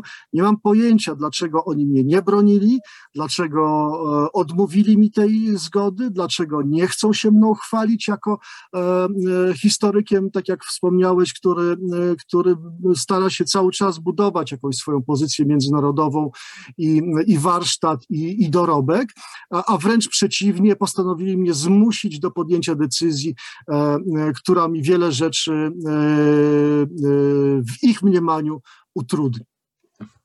Ja może to tylko skomentuję w ten sposób, że tutaj znowu mamy do czynienia z arbitralnością i z ostentacją, bo mm, z jednej strony zmusza się de facto Sławomira Łukasiewicza do odejścia z IPN-u, a jednocześnie, i to nawet już po tym wydarzeniu, E, prezes Nawrocki udziela zgody na łączenie funkcji kierowniczych w lubelskim IPN-ie e, z pracą na tym samym Katolickim Uniwersytecie Lubelskim. Czyli to jest. nawet jest e, jakby, to jest, taka postawa jest pozbawiona jakiegokolwiek poczucia przyzwoitości i wstydu. To jest działanie w poczuciu całkowitej bezkarności, lekceważenia jakichkolwiek norm i etycznych, i społecznych. I o tym też trzeba powiedzieć, o tym upadku norm, która charakteryzuje ludzi na dużą część ludzi na wysokich stanowiskach kierowniczych w IPN-ie, ale także to schodzi w dół, taka demoralizacja, niestety.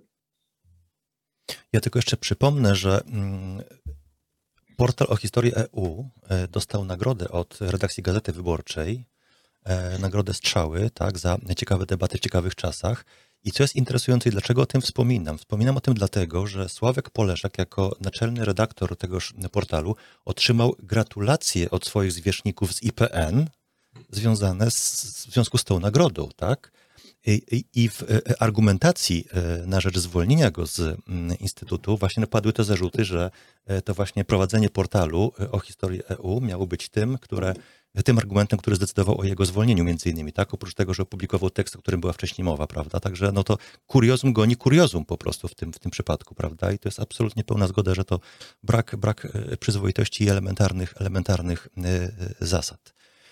Dobrze, chciałbym, żebyśmy przeszli do jeszcze jednego wątku, jeżeli panowie, panowie pozwolicie. Mianowicie jest to wątek następujący, związany z tym, o którym mówiliśmy. Mianowicie na portalu o historii EU został opublikowany list solidarnościowy z, z szykanowanymi historykami, tak? z doktorem Poleszakiem i profesorem Łukasiewiczem. Podpisało go ponad 100 badaczy z całej Polski, z Europy, ze Stanów Zjednoczonych. Podpisywali się też artyści, między innymi Agnieszka Holland podpisała też ten list. Dlaczego o nim, o nim mówię? E, dlatego, że no, wsparcia udzieliło zaledwie stu kilkudziesięciu historyków, tak? E, oficjalnego wsparcia e, szykanowanym historykom udzieliło również Towarzystwo Historiograficzne, E, które w mailach rekomendowało swoim członkom podpisanie tegoż listu, który był opublikowany właśnie na łamach naszego portalu. E, co ciekawe, amerykańskie American Historical Association również wystosowało taki list, prawda? E, z poparciem dla historyków. I co czytamy w tymże liście? Pozwolę sobie zacytować. To jest list skierowany do prezydenta Rzeczypospolitej. I co czytamy właśnie w tym liście? Wzywamy do przestrzegania praw historyków, do swobodnego badania przeszłości, bez obawy o represję za opublikowanie badań naukowych i ustaleń opartych na dowodach. Tyle cytatu. I tu dochodzę do sedna sprawy. Mianowicie, do dnia dzisiejszego, o ile mi wiadomo, jeżeli jestem w błędzie, to proszę mnie poprawić, e, w sprawie mm, szykan wobec e, Sławomira mm, Poleszaka i Sławomira Łukasiewicza e, nie zabrał głosu nikt z Polskiego Towarzystwa Historycznego. Polskie Towarzystwo Historyczne nie wypowiedziało się jeszcze oficjalnie w tej sprawie. E, jest cisza, tak? Lubelski oddział PTH tak samo milczy, uznał, że e, e, nie warto zabierać głosu w tej sprawie. Jak byście panowie to skomentowali?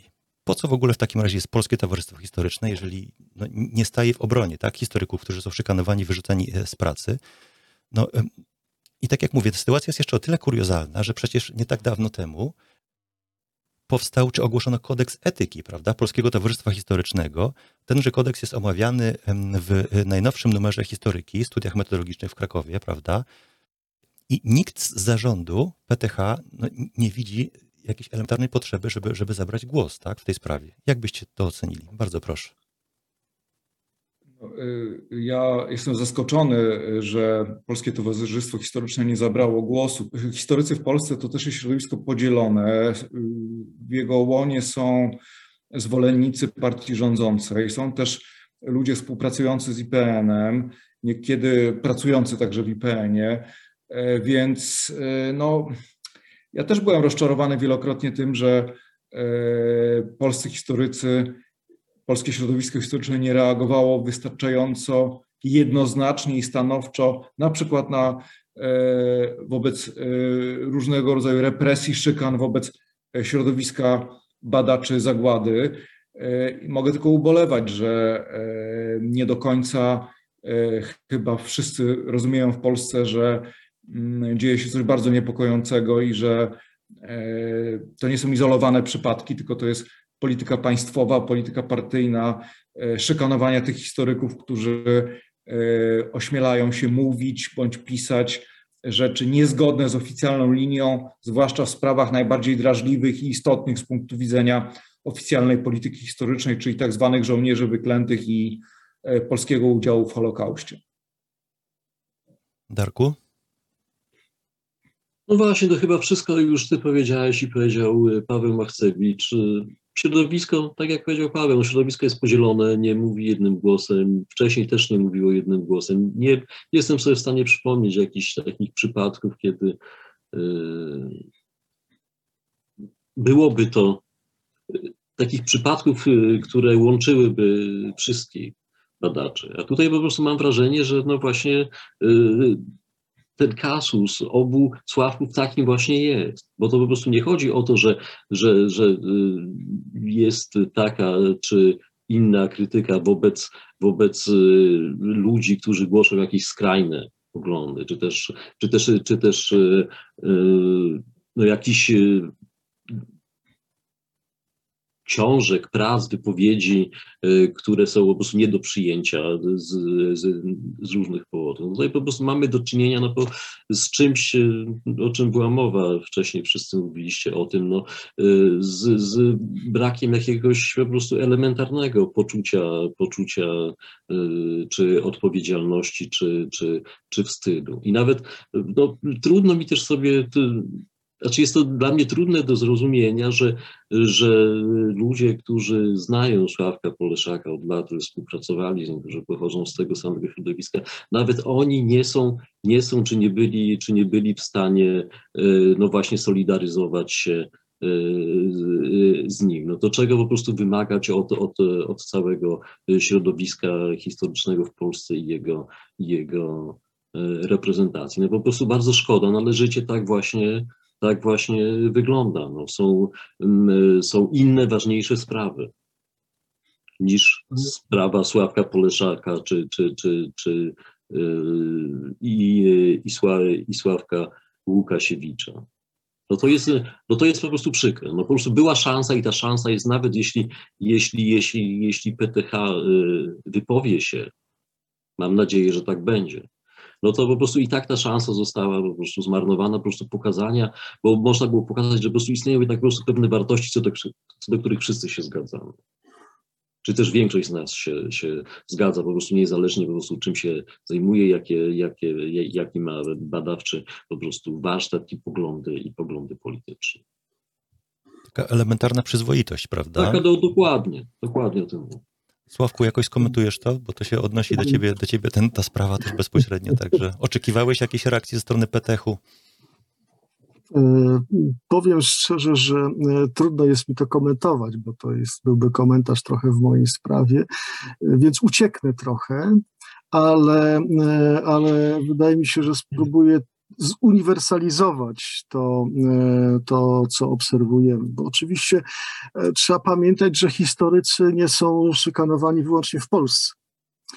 E, I szykany wobec historyków to jest narzędzie stosowane przez różnego rodzaju reżimy, po prostu po to, żeby zamknąć nam usta, żeby utrudnić nam życie, żebyśmy nie wydawali książek, bo nie będziemy mieli na, nich na nie pieniędzy, żebyśmy właśnie nie pracowali, bo, bo po prostu nie, nie będziemy mogli być e, zatrudniani i tak dalej, i tak dalej. Tak więc, więc wydaje mi się, że taka solidarność środowiskowa e, powinna być rzeczą pojętą w ogóle globalnie. Także że to, żeby historycy w każdym kraju e, mieli swobodę prowadzenia e, badań, jest w interesie, e, w interesie nas wszystkich po prostu jako, jako ludzi. I, i, i żeby dać jeszcze pewien, pewien, pewną ilustrację do tego, jeszcze bardziej smutne wydaje mi się to, że właściwie nie ma silnej reakcji w Polsce, o czym mówiliśmy ostatnio z, z doktorem Radziwoniem, e, w sprawie próby likwidacji rosyjskiego memoriału. Przecież to jest tak zasłużona instytucja. E, Pawle, na pewno ty pamiętasz i Darku tak samo i, i, i za e, prezesury Łukasza Kamińskiego ja pamiętam no, mnóstwo różnego rodzaju kontaktów, wizyt, wymian w Instytucie Pamięci Narodowej i Instytut Pamięci Narodowej nie zabiera w tej sprawie głosu. Nie, nie znalazłem też, bo szukałem jakiejś reakcji Polskiego Towarzystwa History, Historycznego tak, w, tej, w, tej, w tej sprawie. E, był, przepraszam, był, był, był list podpisany przez grono polskich historyków. Ja sam go podpisałem. Ale czy to jest, czy to było filmowane nie, przez... Inicjatywa absolutnie oddolna. No więc właśnie, czyli jakby to powiedzieć, indywidualnie się angażujemy, tak?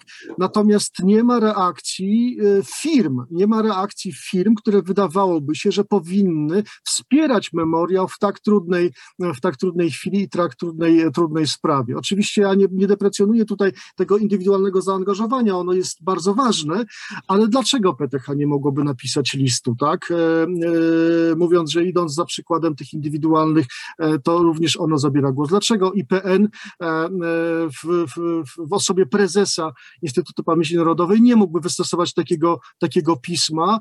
W końcu jest do, do, w jakimś sensie do tego powołany, żeby dbać o pamięć również Polaków, a memoriał ma w tym zakresie ogromne zasługi i tak dalej, i tak dalej. Więc jeżeli my nie stajemy w, w obronie ludzi e, e tak zasłużonych i, i, i, w sprawach tak oczywistych, jeżeli nasze instytucje, organizacje historyków nie, nie zabierają głosu w tej sprawie, no to jak to inaczej skomentować? No, ja bym tylko tak adwocem powiedział, że może lepiej, żeby e, dr Karol Nawrocki, który wyrzuca z pracy historyków za teksty, które publikują, nie występował w obronie wolności badań w Rosji, bo jest to całkowicie nieautentyczne, tak jak e, moje zdziwienie i pewną irytację wywołały plakaty na ulicach Berlina, które widziałem latem tego roku, sygnowane przez Instytut Pileckiego, domagające się jakby solidarności w obronie demokracji na Białorusi, ale jakoś Instytut Pileckiego nie występuje w obronie demokracji w Polsce i w obronie represjonowanych historyków, więc e, no, jest kwestia elementarnej wiarygodności, która ma znaczenie w przypadku e, takich gestów solidarności. No tak, ale, ale można byłoby zasugerować tym ludziom, że, że jednak e, powinni przemyśleć swoją postawę i, i te instytucje być może właśnie mają trochę inny cel i inne zadania niż te, które oni im stawiają. Natomiast pewna, pełna zgoda, że Polskie Towarzystwo Historyczne powinno wystąpić e, w obronie memoriału i rzeczywiście jestem zaskoczony, że, że do tego nie doszło. A no właśnie, też jestem zaskoczony. E, szanowni panowie, powoli zbliżamy się do końca naszej rozmowy. E, chciałbym jeszcze poruszyć dwa wątki takie bardzo szybkie. E, pierwszy wątek jest taki, IPN jest wymysłem polskim, prawda? Podobne instytucje powstały też w innych krajach postkomunistycznych, na Ukrainie, w Niemczech, w Czechach, na Słowacji, tak? To jest Ukraiński Instytut Pamięci Narodowej, Czeski, Czeski Instytut Pamięci, czy Słowacki Instytut Pamięci, Instytut Gałka w Niemczech. Moje pytanie jest takie, czy macie jakieś porównanie IPN-u z tymi instytucjami, tak? To znaczy, czy, czy te placówki funkcjonują podobnie jak IPN, czy borykają się z podobnymi problemami, tak? Czy są też uwikłane w bieżące problemy polityczne, czy są upolityczniane e, i czy też prowadzi się w nich rzetelne badania i edukację historyczną zupełnie inaczej niż dzieje się to w polskim IPN-ie? Czy macie jakiś obraz tego? No, y, jeśli można, to y, po pierwsze IPN jest najpotężniejszą instytucją z tych wszystkich, które powstały. No, po, mhm. co do rozmiarów, to porównywalny był E, Urząd Federalnego Pełnomocnika do Spraw Akt Sztazji, ale jednak zadania IPN-u były szersze, bo to było także prowadzenie śledztw e, prokuratorskich oraz zajmowanie się nie tylko historią komunizmu i nie tylko materiałami wytworzonymi przez aparat bezpieczeństwa, ale no w tej chwili to już jest cała dwudziestowieczna historia Polski. E, to jest dobre pytanie, bo pokazuje, że kultura polityczna danego społeczeństwa ma wpływ na funkcjonowanie instytucji, które pozornie są do siebie zbliżone i mają podobne gwarancje niezależności. W przypadku tej instytucji niemieckiej, o której powiedziałem, na niej zresztą Instytut Pamięci Narodowej w Polsce był wzorowany w dużym stopniu. Można jakby znaleźć podobieństwa w obu ustawach. W przypadku tej instytucji niemieckiej tam nie doszło do jakichkolwiek naprawdę skandali porównywalnych z tym, co miało miejsce w Polsce. Nie doszło do upolitycznienia w jakikolwiek sposób porównywalnego z polskim PN-em, ale to wynikało z tego, że ani politycy zachodnio-niemieccy, niemieccy, przepraszam, też oczywiście po zjednoczeniu było, nie próbowali ingerować w działalność tej instytucji, zwłaszcza w działalność naukową, ani ten instytut, y, ta instytucja nie miała przewagi finansowej, organizacyjnej nad e, niemieckimi uczelniami. Zresztą w ciągu kilka lat temu e, ta instytucja została zlikwidowana, archiwa zostały, jej archiwa zostały wcielone do systemu archiwów federalnych w Republice Federalnej Niemiec, ponieważ niemiecki parlament uznał, że zadania zostały przez te instytucje już wypełnione. W końcu jest minęło 30 lat ponad od upadku komunizmu. W przypadku instytucji słowackich i e, czeskich, e, które też do pewnego stopnia były wzorowane na IPN-ie, one były mniejsze zawsze, tam dochodziło do różnych skandali, głównie o ile pamiętam, o ile się orientuję, to dotyczyło kwestii akt i tego, że e, teczki tajnych współpracowników były wykorzystywane do e, ujawniania współpracy różnych ważnych postaci politycznych czy, czy z życia kulturalnego, na przykład chodziło o pisarza Milana, Milana Kunderę, którego teczkę, znaczy epizody współpracy z czechosłowacką bezpieką ujawniono no w taki sposób, że spowodowało to krytykę części opinii publicznej. Ale nadal wydaje mi się, że to nie, nie, nie było upolitycznienie i to nie były skandale na miarę tego, które cechują Instytut Pamięci Narodowej w Polsce. Panowie, jeszcze jakieś komentarze, Sławku? Y, to znaczy, y, tutaj najlepiej byłoby zaprosić chyba Łukasza Kamińskiego, który y, i za swojej prezesury, i później jako, jako szef sieci, tak, która, która różnego rodzaju instytucje zajmujące się pamięcią w regionie zrzesza. E, myślę, że utrzymywał najlepsze, najlepsze kontakty, miał e, wiedzę. Oczywiście, Pawle, e, ty również masz książkę taką o rozliczeniach, tak? I wydaje mi się, że, że, że trzeba było może to przypomnieć, że wszystkie te instytucje w jakimś sensie powstawały trochę na zamówienie, e, może nie tyle polityczne, co publiczne, tak? E, bo oprócz oczywiście tej warstwy badań historycznych, archiwów i tak dalej, chodziło o to, żeby nasze demokracje, które powstały w tej części Europy, żeby one stały się wiarygodne, żeby miały narzędzia do oczyszczenia życia publicznego no, z różnych zjawisk, które, które jakby w przeszłości były niezbyt, niezbyt chlubne.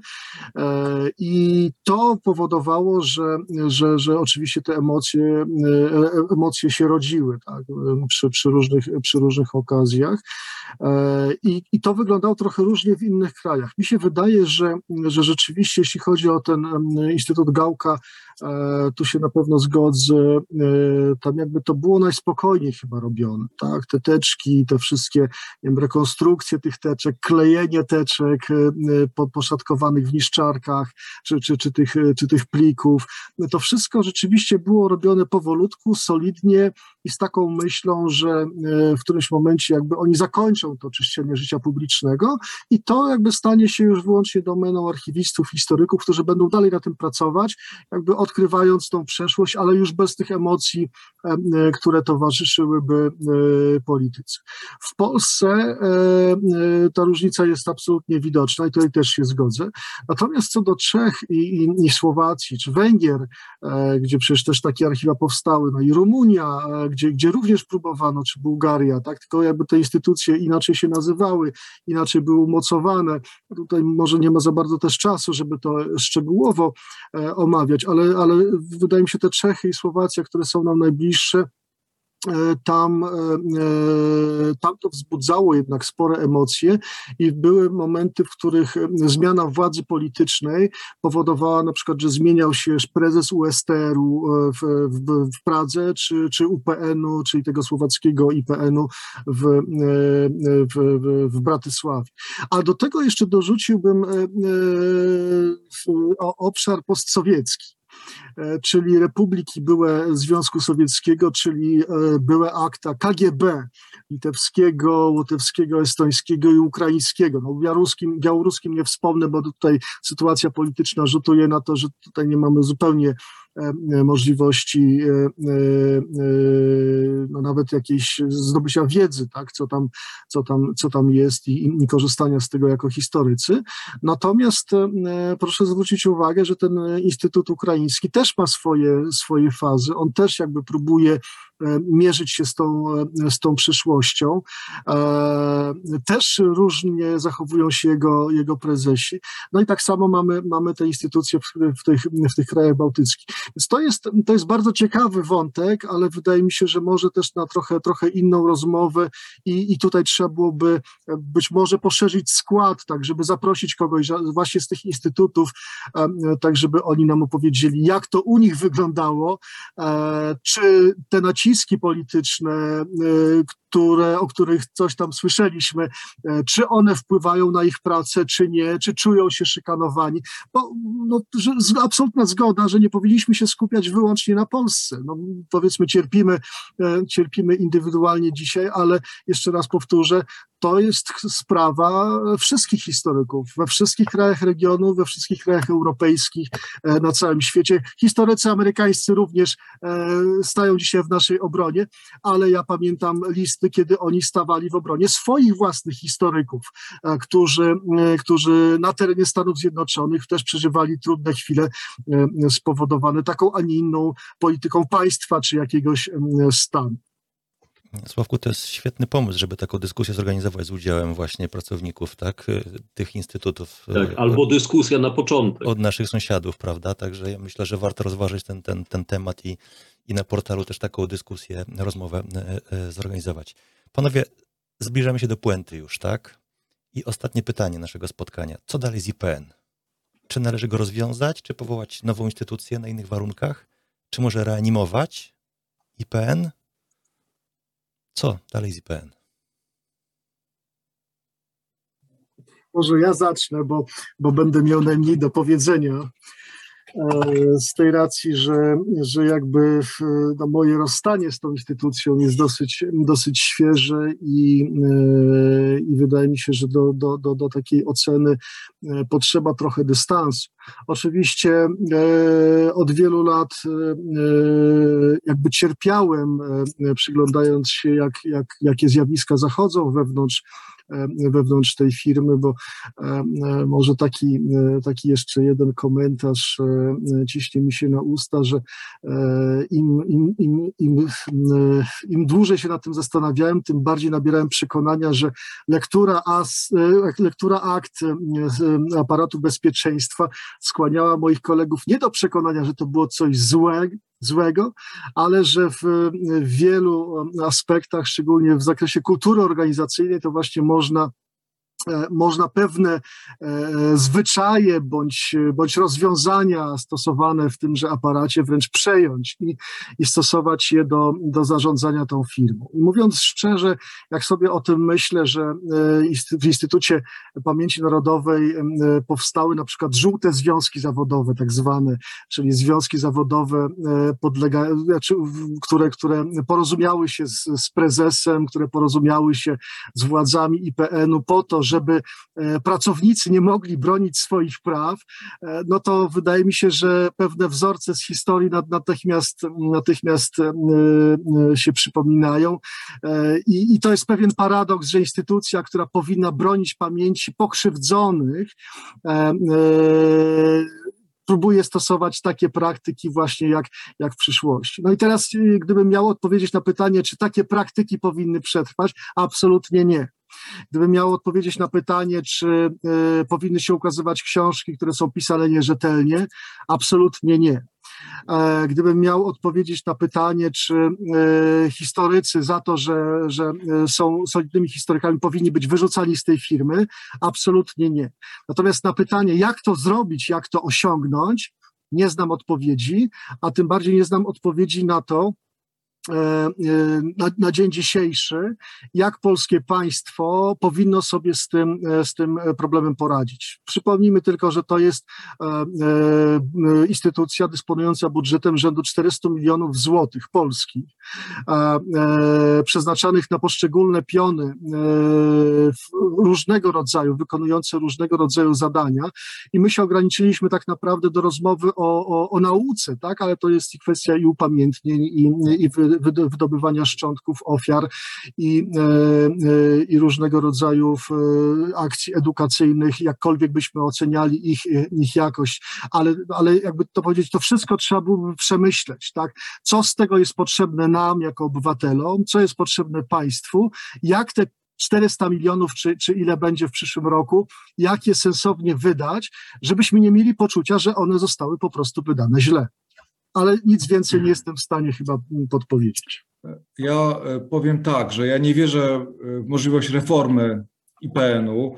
E, taka reforma była podejmowana już co najmniej raz w historii IPN, to znaczy próba jego odpolitycznienia i stworzenia gwarancji jego niezależności. Przypomnę, że Łukasz Kamiński został wybrany prezesem na gruncie znowelizowanej ustawy, która dawała środowiskom naukowym wpływ na wybór prezesa i decydującą rolę przy obsadzaniu rady IPN-u. E, przyszedł, powrócił do władzy e, znowu PiS i w ciągu paru miesięcy ca, całą tę niezależność IPN-u zniszczył i przejął pełną kontrolę nad tą instytucją. I jestem przekonany, że jakiekolwiek byśmy nie wprowadzili gwarancji niezależności, to historia może się powtórzyć.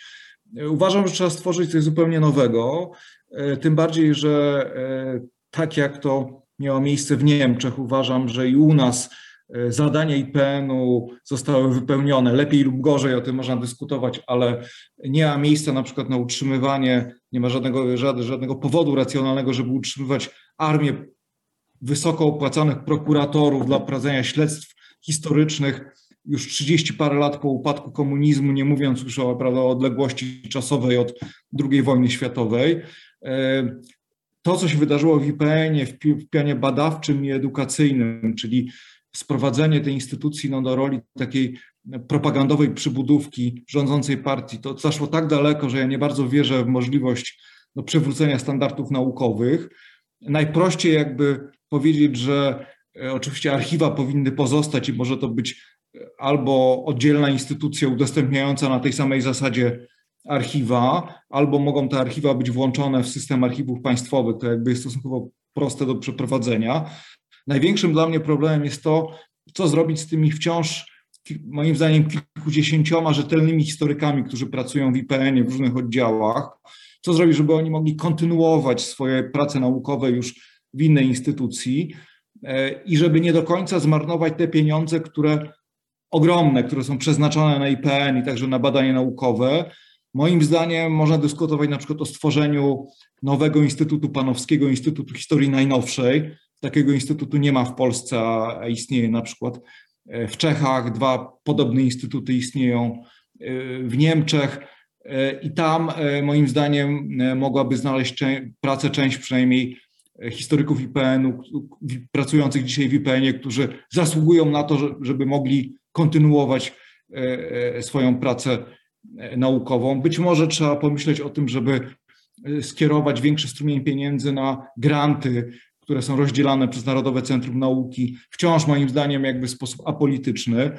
Można po prostu ocenić, jaką część budżetu IPN-u e, pochłania praca naukowa i zadbać o to, żeby przynajmniej część tych pieniędzy e, pozostała przy historiografii XX wieku. Darku? No ja się zgadzam z tym, y, co powiedział Paweł.